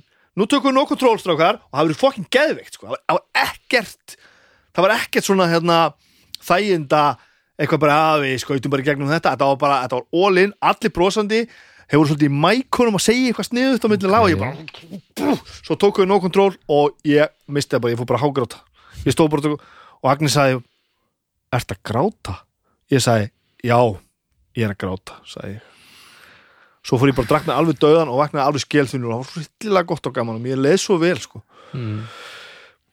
um, ég er ekki búinn sko ef að halda áfram með það já, já, en ég ætlaði bara að koma inn á það að koma hann að tvær góða plötur á Atlantic. Mm -hmm. Greiris og Stranger Fiction svo koma tveir mannarskittar þeir beila og þá lagast allt. Þeir beila, hvað séru? Atlantic beila og, já, ég og þá, að þá lagast allt þeir fara aftur í Ræpitaf og brett kemur aftur. Og og Brooks kemur, skilur það er Já. nýtt blóð aftur koma sko. þeir aftur af því að þetta er að fara aftur í gamla formið eða hitt, hitt þetta bara þannig á ég held að þetta hafi sko, Mér heyrist vera mjög margar breytur í gangi sem Bobby segir, náttúrulega bara getur ekki trómað, það þarf ekki um trómara þeir missa samningin við Atlantic sko. Þeir bara, þeim bara sagt upp. Ég er bara að pæla hvort þessi einhverju Eh. Atlantic bara svona, ah, helvíti. Brett er byrjar að semja með Greg Graffin aftur fyrir New America, þannig að þeir eru farnir að vera í einhverju sambandi. já, og veist, þegar við droppað þá fara þær aftur í það að bara brett bara kemur, kemur bara og pródusar plötuna og semur bara aftur fullt af stöfið á hana Í og bara- gefa út á Þú veist, ég held þetta sé bara einhvern veginn þetta kemur bara allt svona einhvern veginn heim og saman sko. allt á einum bretti Ha, nei, nei, nei ég er eitraður í dag og strákar. svo náttúrulega í dag er þetta orðið þannig að þeir eru náttúrulega þeir hafa svo mikið following sko. þeir eru komin á svo æfintilega stað að þeir halda standard og það eru geðvikt solid live þeir eru ekkert eitthvað ógislega góður live allir en það er alltaf það deliver alltaf, þetta er svo fallegt og gott. Þannig að þú veist stjörnundraumanir eru svolítið farnir held ég sko. Þeir eru ekkert aðeins lengur fyrir það sko. Engið þeirra. Hafið þið eitthvað svona reynd að greina það af hverju við erum kannski eiginlega bara búin að svara þessu? Í- í- þið svöruðu báði mjög vel af hverju þið elskið þetta band sko. við þurfum, eiginlega ekki að fara út í það sko. Þetta er þraut segjan til, til viðbóta við sem ég var að segja náðan það var gaman að kannski erum fyrir Baldri hvað hva heitir hann svona þegar hann hlusta á lögin? Fyrir mér er þetta svona velgefnir menn að gera svona einfalda hluti af svona mikill virðingu. Þú veist að þetta er svo og, og ég, ger þetta bara minn listgrein að fela flækjur sem dulbúa flækjur sem einfalda hluti. Mér finnst þetta skemmtilegast sem ég veit sko. til viðbótar er þetta náttúrulega líka bara Greg Graffin er bara gamall sköllóttu kall. Hann stendur fremst og hann messar yfir Já. hann syngur texta sem að mjög margir í bandaríkjanum skilji ekki. Hann að nota tungumál sem að er fullt, hann nota bara fullt orðum sem að enginn skilur sko, orðaforðin er svo óbústlegur maður skinnir að stundum í upphæðu fyrirlsins hann er aðeins að monta sig sko, hann hefur vantilega verið aðeins í orðabókunum líka sko. En hann slípast til það sem að eftir á svona, svona líður á ferilinn. Þannig að eftir standa bara ógeðslega djúsi innihalsíki textar um eitthvað á bara mjög kjarnistu máli sko. Síðan er líka eitt í þessu að hérna, þegar maður á uppáhaldsjónsettir og við eigum okkar uppáhaldsjónsettir og stundum fleiri en einn og tvær að hérna síðan er eitthvað sem er ekki hægt að útskýra sko. Já. allt þetta sem þú ert að segja er þetta hjá mér sko já þú eru þetta hittir man bara einhvern veginn sko. En Betalísjón er líka með eitthvað element sem að ekkert annað band hefur náða að fanga sko. Þetta er, það er þessi sem líkur svolítið bara í hvað er búin að vera góðu trommarar sérstaklega på síkvæsti, þetta er svo drífandi en samt er þetta svo aga, það er haldið í taumana, það er aldrei verið að keira þetta umfram getu, þetta er ekki svona drullupung, þetta En- er alveg en, en mér er svo merkilegt sko að því þetta kemur á óvart í rauninni að bad religion hérna þeir eru að tala svona mikið um bad religion af því að sko, þegar maður lítur alveg yfir sviðið þá er þetta svona þetta er svona second tier band skilju algjörlega, þeir hafa aldrei og þeir hafa Já. aldrei komist upp fyrir það því að þú veist, maður svona ma maður hef, ma þú veist, menn er að tala um sko Metallica, Slayer já, já. uh, þú veist, ok, þið viti hvað ég er að tala um sko. hérna, Green Day, en já, en, nei, já, það er að tala um svona ekki second tier í samvættu vinsaldir það er svona þegar fólk er að segja hver er upp á sónstíðin þá, þá, þá fer, já þú meina En- það en já ég skilji, þá fer fólk á svona flug gagvart, ég, ég, sko- þetta komir óvart sko. en sem áhrifavaldar eru, í þessari kreðsu eru þeir helvíti stóri sko. Og það eru rosalega margir sammála okkur með þetta. Veist, þe þeir sem að, þeir sem að komast inn sko, föttu þetta nú snemma eða, hvað- ég, veist, ég veit ekki hvað að segja sko. kannski snýst svolítið um að það er ekki vinsældir þarna. Veist, komast í gegnum flóknu orðaforðan komast í gegnum vinnuskiptunni hjá gra- grafinn veist, hann er alltaf mætir og svið alltaf eins og hann hafi glemt því að vera ekki alltaf. Hann var bara að fara yfir ytgerir það er bara það sem hann var að gera og hann var að gera, menn hann er að kenna bara í UCLA hann er bara, þú veist. Já, já, brjála að gera. að, er þetta band sem þið vilja eiga í friði? Nei, nei, nei, nei, já, ok, fyrir mér er þetta bara ég, ég vildi óska að ég geti séð það bara á stadium með bara svona 40 manns og þeir eigi bara allir mjög marga miljónir það, það er svona það, Já, maður er með það alveg, nákvæmlega. vibe gagvart þeim. Já, en, en, en, en og, og þið verið mjög gladir ef, ef bara sem flestir myndu heyra svo Já, tónlist já, og, já, já. já, já, já. Þetta er ekki svona eitthvað uh, þetta er ekki þetta, sko. fyrir mig. Alls ekki sko. mjög gott, á ég tala eitthvað meira. Gleði. Uh, já, það eru fleiri útgáður sem ég hef ekki farið í. Ég er með eina, ég er með ein, eitt bútleik hérna sem er mjög áhugaður, hann í Lucky Records að því hann bara varðar bara núm daginn sko. 89 gig frábær setlisti Sandar allt í lagi, 2020 útgefið að Mind Control Records, þetta er bara skít ólöflegt síðan í fyrra. Já, já. og einhvern veginn komst þetta bara í nógu mikið circulation og þetta bara til í plötubúðum og ég ætla að sjálfsög kert þetta bara. Þetta er bara einhver FM útsending bara. já, út á svo til sending, emitt og það er til nokkra svona svona, ég átti nokkuð svona hérna, útleika á, á geisladiskum á sínum tíma. Þeir hafa gefið út Söfnin náttúrulega. 80-85 safn sem kom út 91 sem að, við tölum um hana. Eh, eftir já, eftir er ekki 90 Hvað er þetta? Tested, All Ages? Sko All Ages platan er hún lítur að vera 95 er hún ekki eftir Strange Science Fiction? Það, það, það er sem sagt það er allt það er allt nei, hún lítur að vera fyrir hún lítur að vera fyrir Atlantic, er þetta ekki bara upp á recipe? Er þetta ekki bara Suffer No Control, Against the Grain Generator og Recipe for Hate þessar fimm be bestu All Ages kemur eftir Stranger Fiction Já, ok, það er myndið rétt, þú skýtt að það kemur eftir Strange Fiction. Mm. Þannig að þessar sex plötur þar, það er ekki svona bestu plata sem heitir All Ages. Og það er mjög auðvelt að segja við fólk ef þú vilt kynna þér þann, sko blóma tíman ef þú vilt kynna þér Pete Feinstein og Bobby Sayer upp á sitt besta, þú veist það er, það er frábært að renna All Ages plötunni í gegn, sko. Já. hún er held ég bara til að geisla þess, ég veit ekki hvernig hvort hún er á Spotify. Er, já, uh, jú, ég, man, er ég, man, ég, man, ég man mjög mikilvæg punkt. Já, er mjög það? mikilvæg punktur. Mjög mikilvæg punktur. Hérna, ég heyrði í gegnum allar þessar plötur ég man ekki Hvað hvað er hún á það voru, Spotify? Sorry á stangli því nú er ég mjög mikil áhuga maður um hérna, þjólaðatónlist, skorska og írska Já, já, já, já, já. að hérna, ég heyrði, það voru nokkuð lög þarna mm.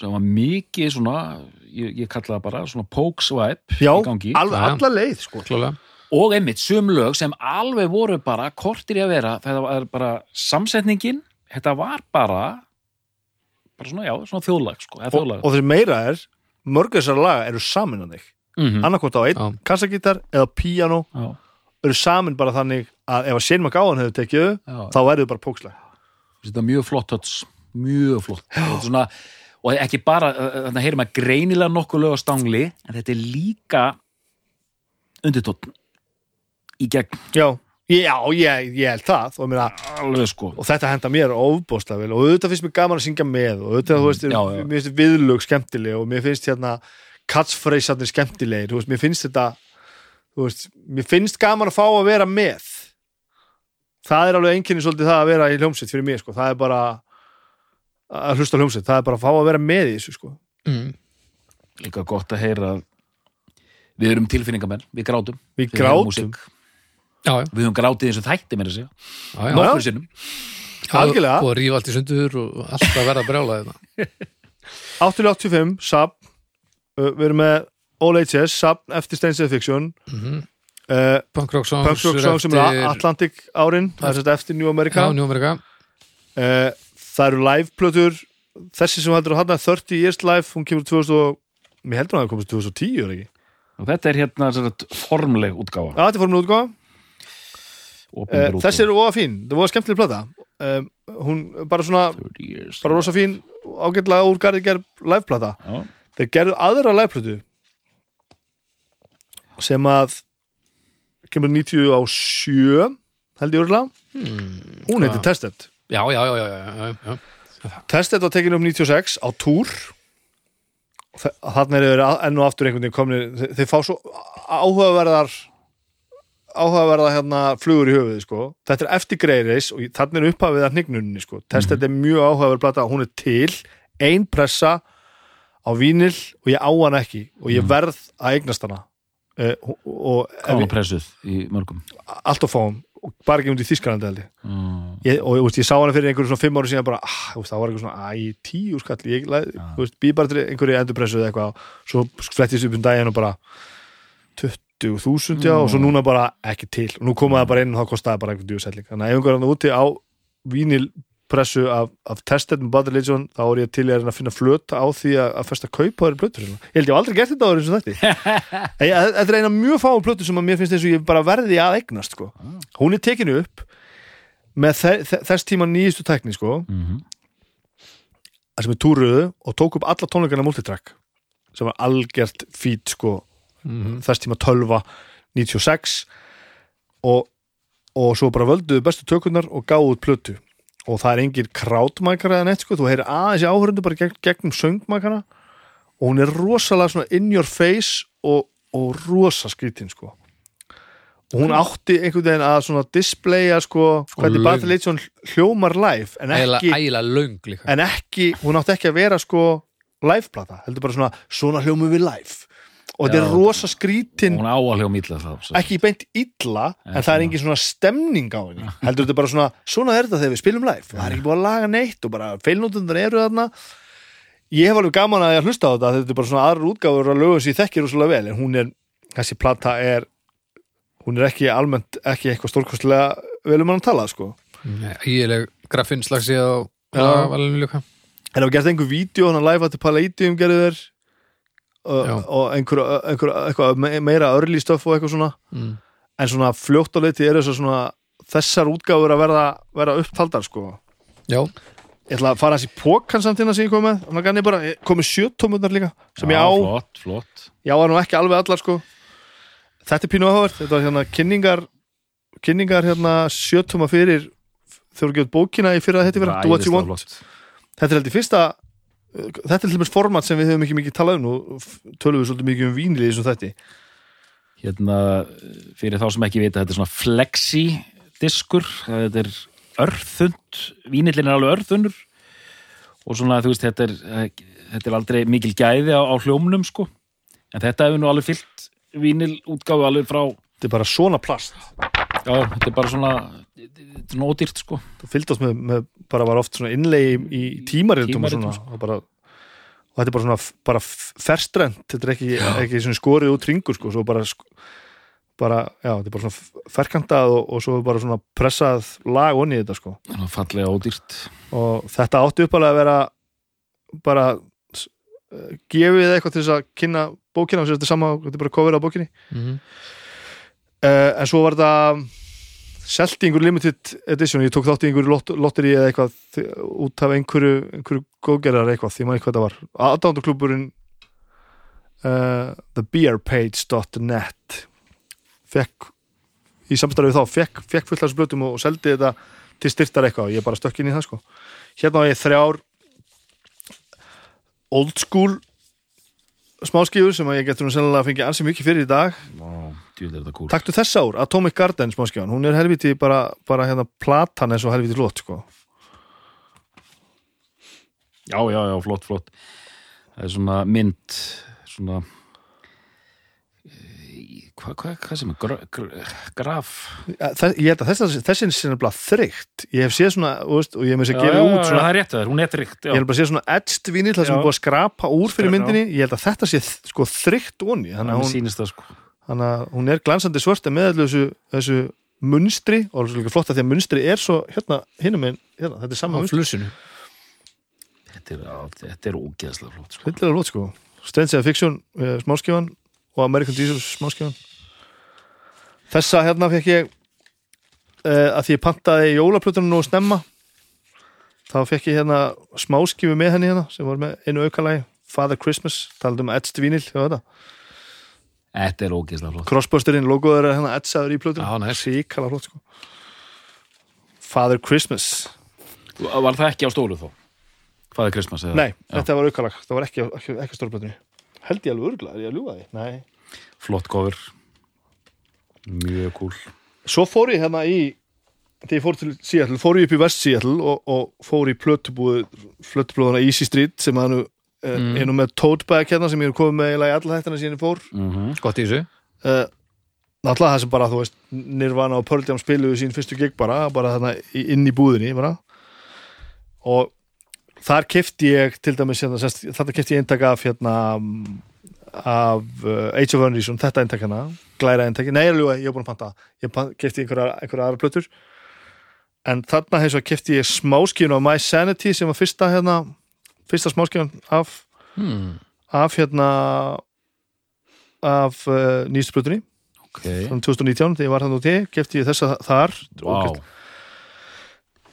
svo er ég með, svo er ég með eitt hérna og það fylgir saga. Ok, móli, móli uh, Record Store Day, ég held þetta hafi verið Record, Record Store Day. Já. Epitaph gott að þessi var ekki gefin út með þess að maður sendi platan í tilefni því ok, Record Store Day.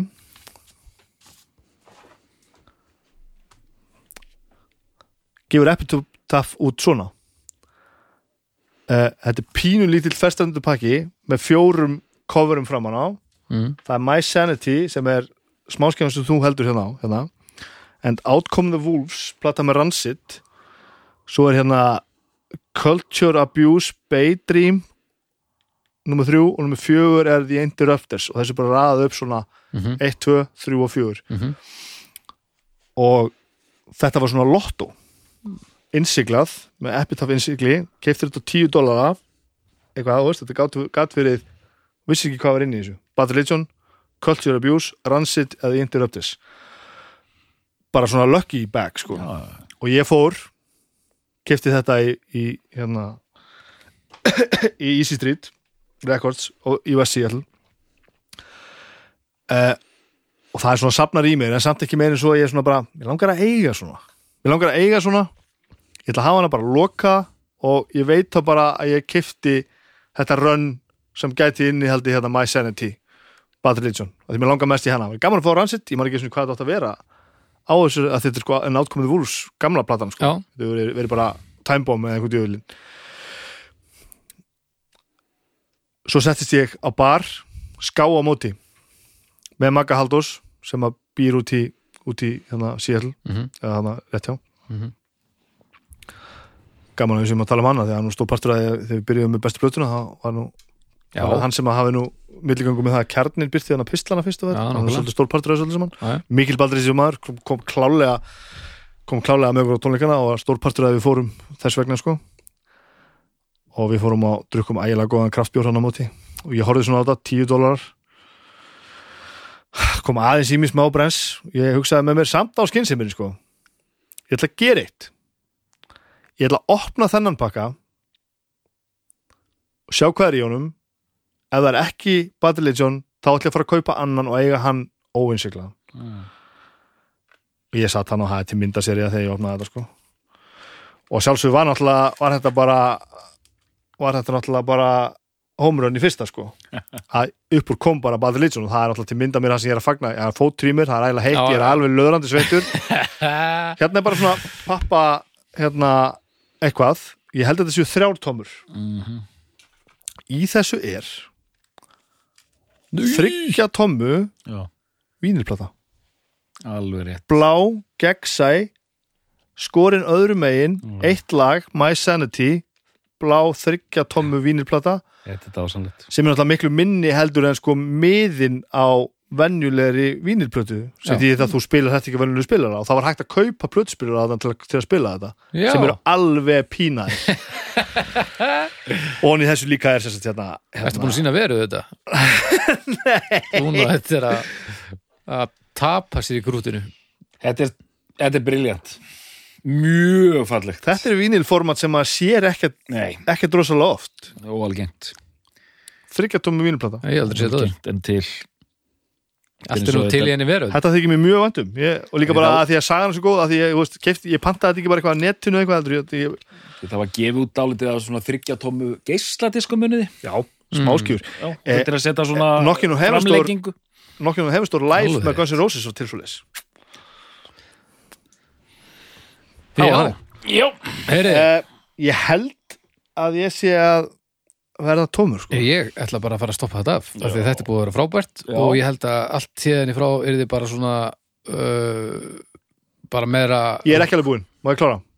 Það fer eftir, er það eitthvað gott eða? Já, það er mjög gott. Lofaru? eh, Ég get tekið það í, í, í, hérna, í uppgjörinu og vilt. En það er stór partur samt af þessu öllu saman. Já, við þurfum eiga einhvern stóran partí uppgjörið Ok, flott, bara eins og vilt. Doktor, það er uppgjörið þér já. Herðu, Má ég koma eina spurningu til Dóttorsins til, þess- að starta þessu? Endilega. Mhm. Það líka mér ég, ætla að segja þér í fullri alvöru bara svo vitur að ég er ekki að grínast a- að að ég er nú maður sem sett oft upp einhverja aðstæður og svona fer mikinn og, og, og hérna rýf kjaft sko. Ekkert að það sem ég er að segja þér hérna er ég er ekki að íkjæða það neitt sko. Þetta er risastór partur af lífu mínu. Og ég, ég er fullkomlega forfallin aðdáðandi og ég veit rosalega margt, ég er farin að kaupa hluti sem að þú veist, ég er svona pínu safnar í kringum þetta. Og þetta skipti mig í alvörunar ofbóðslegu máli sko. Mhm. skilur þetta?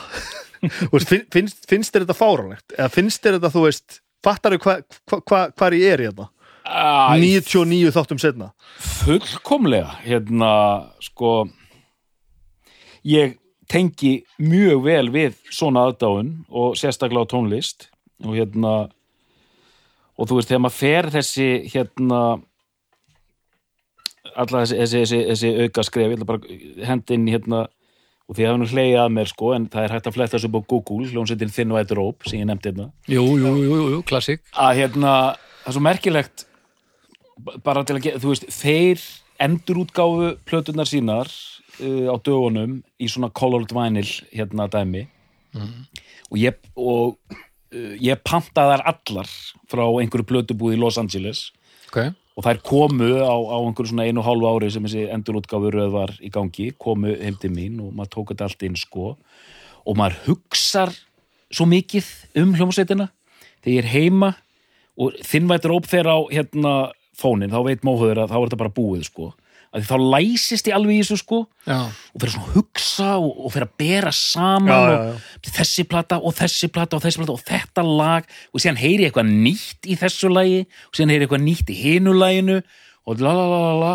Og hérna og síðan er svona þinn vætur upp grúpa á Facebook þar sem slatti af svona gömlum meðlum í hljónsveitinni eru þarna líka. Þannig að þetta er það lítið að þeir eru þarna og taka þátt einhverjum umræðum og, og þú veist, það eru nördismi fyrir allan peningin bara nákvæmlega eins og hérna sko. Ég er í svona grúpu með Cardiacs einmitt. Nákvæmlega, nákvæmlega. Og ég minna þannig að ég, svo ég, hérna, ég skili 100% og ég bara svona að bara svona þetta er svona sko. Já og svona og eins og þú veist að þetta gefur manni á fáránlega nátt þetta gefur manni svo ofsalega mikið. Já. Þetta er búið að breyta lífið mínu, ég veit að þetta hljómar eins og einhver, einhver, einhver vondur úlingaþáttur á Netflix en þetta hefur bara í alvörinni b- bara líf mitt væri bara alltaf öðru vísi sko. og bara ef maður finnur sig í einhverju svona bara rönn við þetta sko, af því að þetta er svo indislegt sko, þetta gefur Já, manni svo mikið sko. er- og eins og, eins og þú nefndir að maður er eitthvað leiður skellir þess á fóninn og bara allt verið dásalegt sko. Þannig að bara já, ég, ég skilir 100% en eru, já, uppgjörið. Uppgjör. Já, segi ég hérna ég kem hérna tildulega kaldur á borðinu, hafði mjög gaman að þessu. Hlakkaði mikið til bara að hlusta á sögu, sögunni ykkar já, fyrst og síðast. Og hérna uh, og, og þessi plata hérna No Control, mjög, mjög skemmtileg mjög góð, mjög frábær og hérna Söffer líka mjög flott sko, ég var eitthvað svona að velta þeim tveimu fyrir mér sko, en svona jú og svona en ég er ennþá, þú veist, ég get, get þú veist, það er al- alveg frábært, ég get bara að tala um þetta ykkur skeiðum sko, ennþá sko. Já, já, og eftir, þú veist og kannski svona meðvita, ég var ekkert ég, var, ég, ég bara passaði með að vera aðalega með þetta down, hérna, það sem við erum að tala um myndi þetta sko. Mhm. en bara, þú veist að segja sko þú veist, punk rock hérna, glúrið, góði textar einmitt svona, hérna, lúmst og að það allt, sko. Deliveraði einhver ástrið og allt þetta, sko. Stórgott stöf, sko. En ég, eins og sé, ég, er- ég, er, ég er bara ég er bara leikskólabann, ég, nú ætla ég að þegja, sko þú mátt eiga lögnum snabbi. Minn kæri vinnur það er uppgjör. Þátt að vera ægilegt 40 ára hérna eitthvað húlum hæ sem að engi veit almennilega hvað átt að verða sko. Ég veit ekki hvort ég vissu það algjörlega sjálfur. Svo kom, svo kom COVID. Já, Svo ótrúlega gott að ég hef náða að fara til síðan til að sjá það fyrir COVID þú veist, það er hellingur sko. Ég var að horfa í að fara til Inguða mitt að sjá það þar, já, út í Salamanca eða út í, út á Spáni já, það er átt, Madrid átt að vera Millencolin og eitthvað. Stuð, Já, alveg rétt, já. Það er gaman. Nei, Ég þarf að fara bara mjög fljótlega aftur að sjá það sko. Það sem ég gerðu, og rótið leðir á sýtta kjurir uh, að ég held að að þetta finna mest af þessu á, YouTube en þú þurftur að gerast áskrifandi voru með svona fjargig Þeir eru búin að vera starfandi í 40 ár. Þeir bókuðu þeir, gerðu þetta á Roxy held ég. Já, já, þæ, þættirnir þarna. Heita Decades. Live show. Og pínu viðtölu á milli. Og þú síndi svo bara veist, strímaðir og svo, svo, svo gæt maður horta á það, ég, ég kefti mig bara inn. Bara fjóri föstu dagar í röðu eða eitthvað, ég man ekki hvað það var föstu eitthvað svo leis fyrsti þátturinn þá spiluðu bara 80s næsti þátturinn þá spiluðu bara 90s þriði þátturinn bara notice Mhm. og síðasti þátturinn bara tense, bara 2010 og setna Mhm. þetta voru svona ég veit ekki, 15 lögur hverjum þetta er eitthvað þetta er þessi katalókurinn er alltaf svo ævintýralög sko. fullt af viðtölum og svona og þar til dæmis sá maður enn og aftur bara Dim Kids, Mike, Dim Kids með Tiggy og, og, og Jamie Miller Já, og bara í bandinu og Brian Baker og hann alveg glæsir og allir einhvern veginn bara búin að ná tökum öllu og bretta hann í viðtölum bara ég ætla að vera með, ég get ekki spila þetta. Og þeir saman að spjalla og þetta var bara okay. og það var ógeðslega gaman þeir viljandi tóku svona pínu deep cuts líka sko, æfðuðu mikið og höfðu bara núna tíma og bara að taka þetta bara. Þetta var ógeðslega skemmtilegt og þá sá maður hvað katalógurinn er, er sko djúsi og góður sko. Mhm. og þetta gekk ógeðslega vel. Og fyrst þetta gekk svona vel þá gerður þetta aftur. Tóku aftur seldu bara fjóra þetta í viðbútt gerðu það sama. Aldrei sömu lögin. Fyrsti þátturinn var 80s svo 90s notis og tense það eru tveir þættir að hverju. Mm. og settarönni fyrir okkur nördana það var eiginlega enn betra sko. því að þá þurftu þér aðeins að tegja sig Mm. læra lögin læra lögin sko, á fullt af lögum sem maður hefði aldrei spilað sko. og ég man ekki hvað þetta eru mörg lög þetta er svo galið sko. það er, og það er svo, svo geðveikt sko. og þarna bara fyrst þau voru að þessu komin í stuð tóku ógeðslega mörg lög af Into the Unknown graffin bara með, með bara með Junoin að spila bara orgel. Já. og þú veist þetta var svo skemmtilegt. Þeim fannst svo skemmtilegt. Þeir ruggluðust oft alveg helling þú veist, og það er búið að laga þetta eitthvað til veist, þetta, er, þetta er vel pródusirað sko. En þetta er ógeðslega lifandi og ógeðslega skemmtilegt. Ég meina að þið verið tekka, ég held að mest að þessu ég leikja á YouTube þú hafi svona átt að slatti. kaupa þetta inn sko, kau- kaupa þér aðganga þessu. Ég horfði á þetta allt saman sko. Uh, þar komum við til þess að einu sko sem ég held að sé að gera svo mikið fyrir bandi núna. Mixið og masteringin á soundinu. Mm. Jamie Miller. Nýji trommarinn. Hann mixar þetta allt. Já.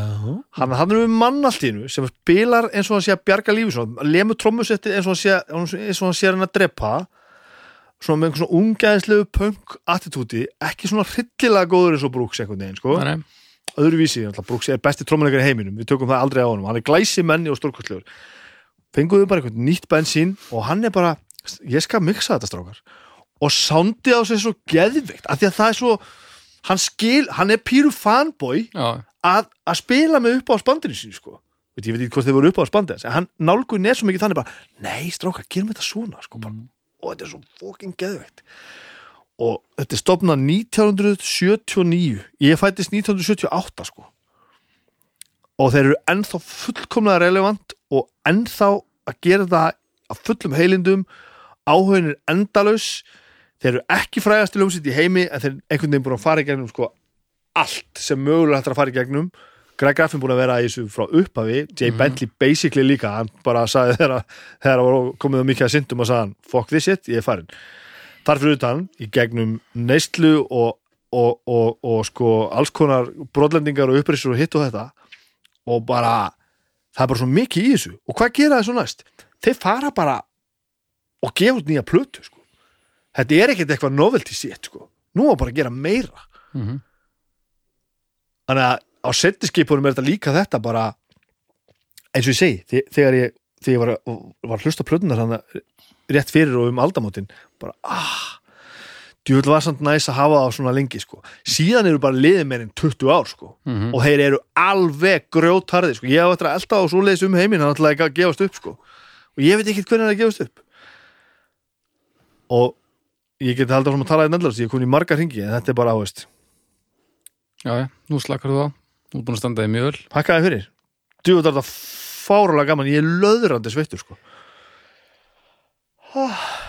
Þannig að Snæbjörn Er þetta besta plata Badurliðsjón? Já, Doktor Er þetta besta plata Badurliðsjón? Ég þarf auðvitað lengri tíma, hún gæti verið það, þannig að ég þarf að segja nei. Þannig að ég segi nei. Ertu, ertu með kandidata? mm, hún gæti verið það uh, síðan bara í þessu þætti þegar þið fóru að tala svona rosalega vel um til dæmis hérna, Stranger Than Fiction Mhm. fóru að tala svona rosalega vel um hafna, Empire Strikes First þá þarf ég bara að kanna það Já. þær blötu betur sko.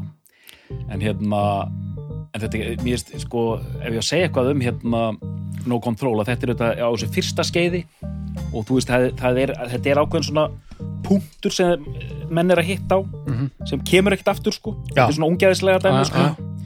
en allt hitt bara sko já, þannig að þú veist, ég bara ég, ég þarf að setja hérna hún, gæti verið besta plata þeirra en á þessu stundu segi ég nei, af því það gæti verið einhverjum svar, nei. Baldur? Er þetta besta Bad Religion? Nei Nei Við þakkum fyrir í dag og við heyrumst af ykkur liðni.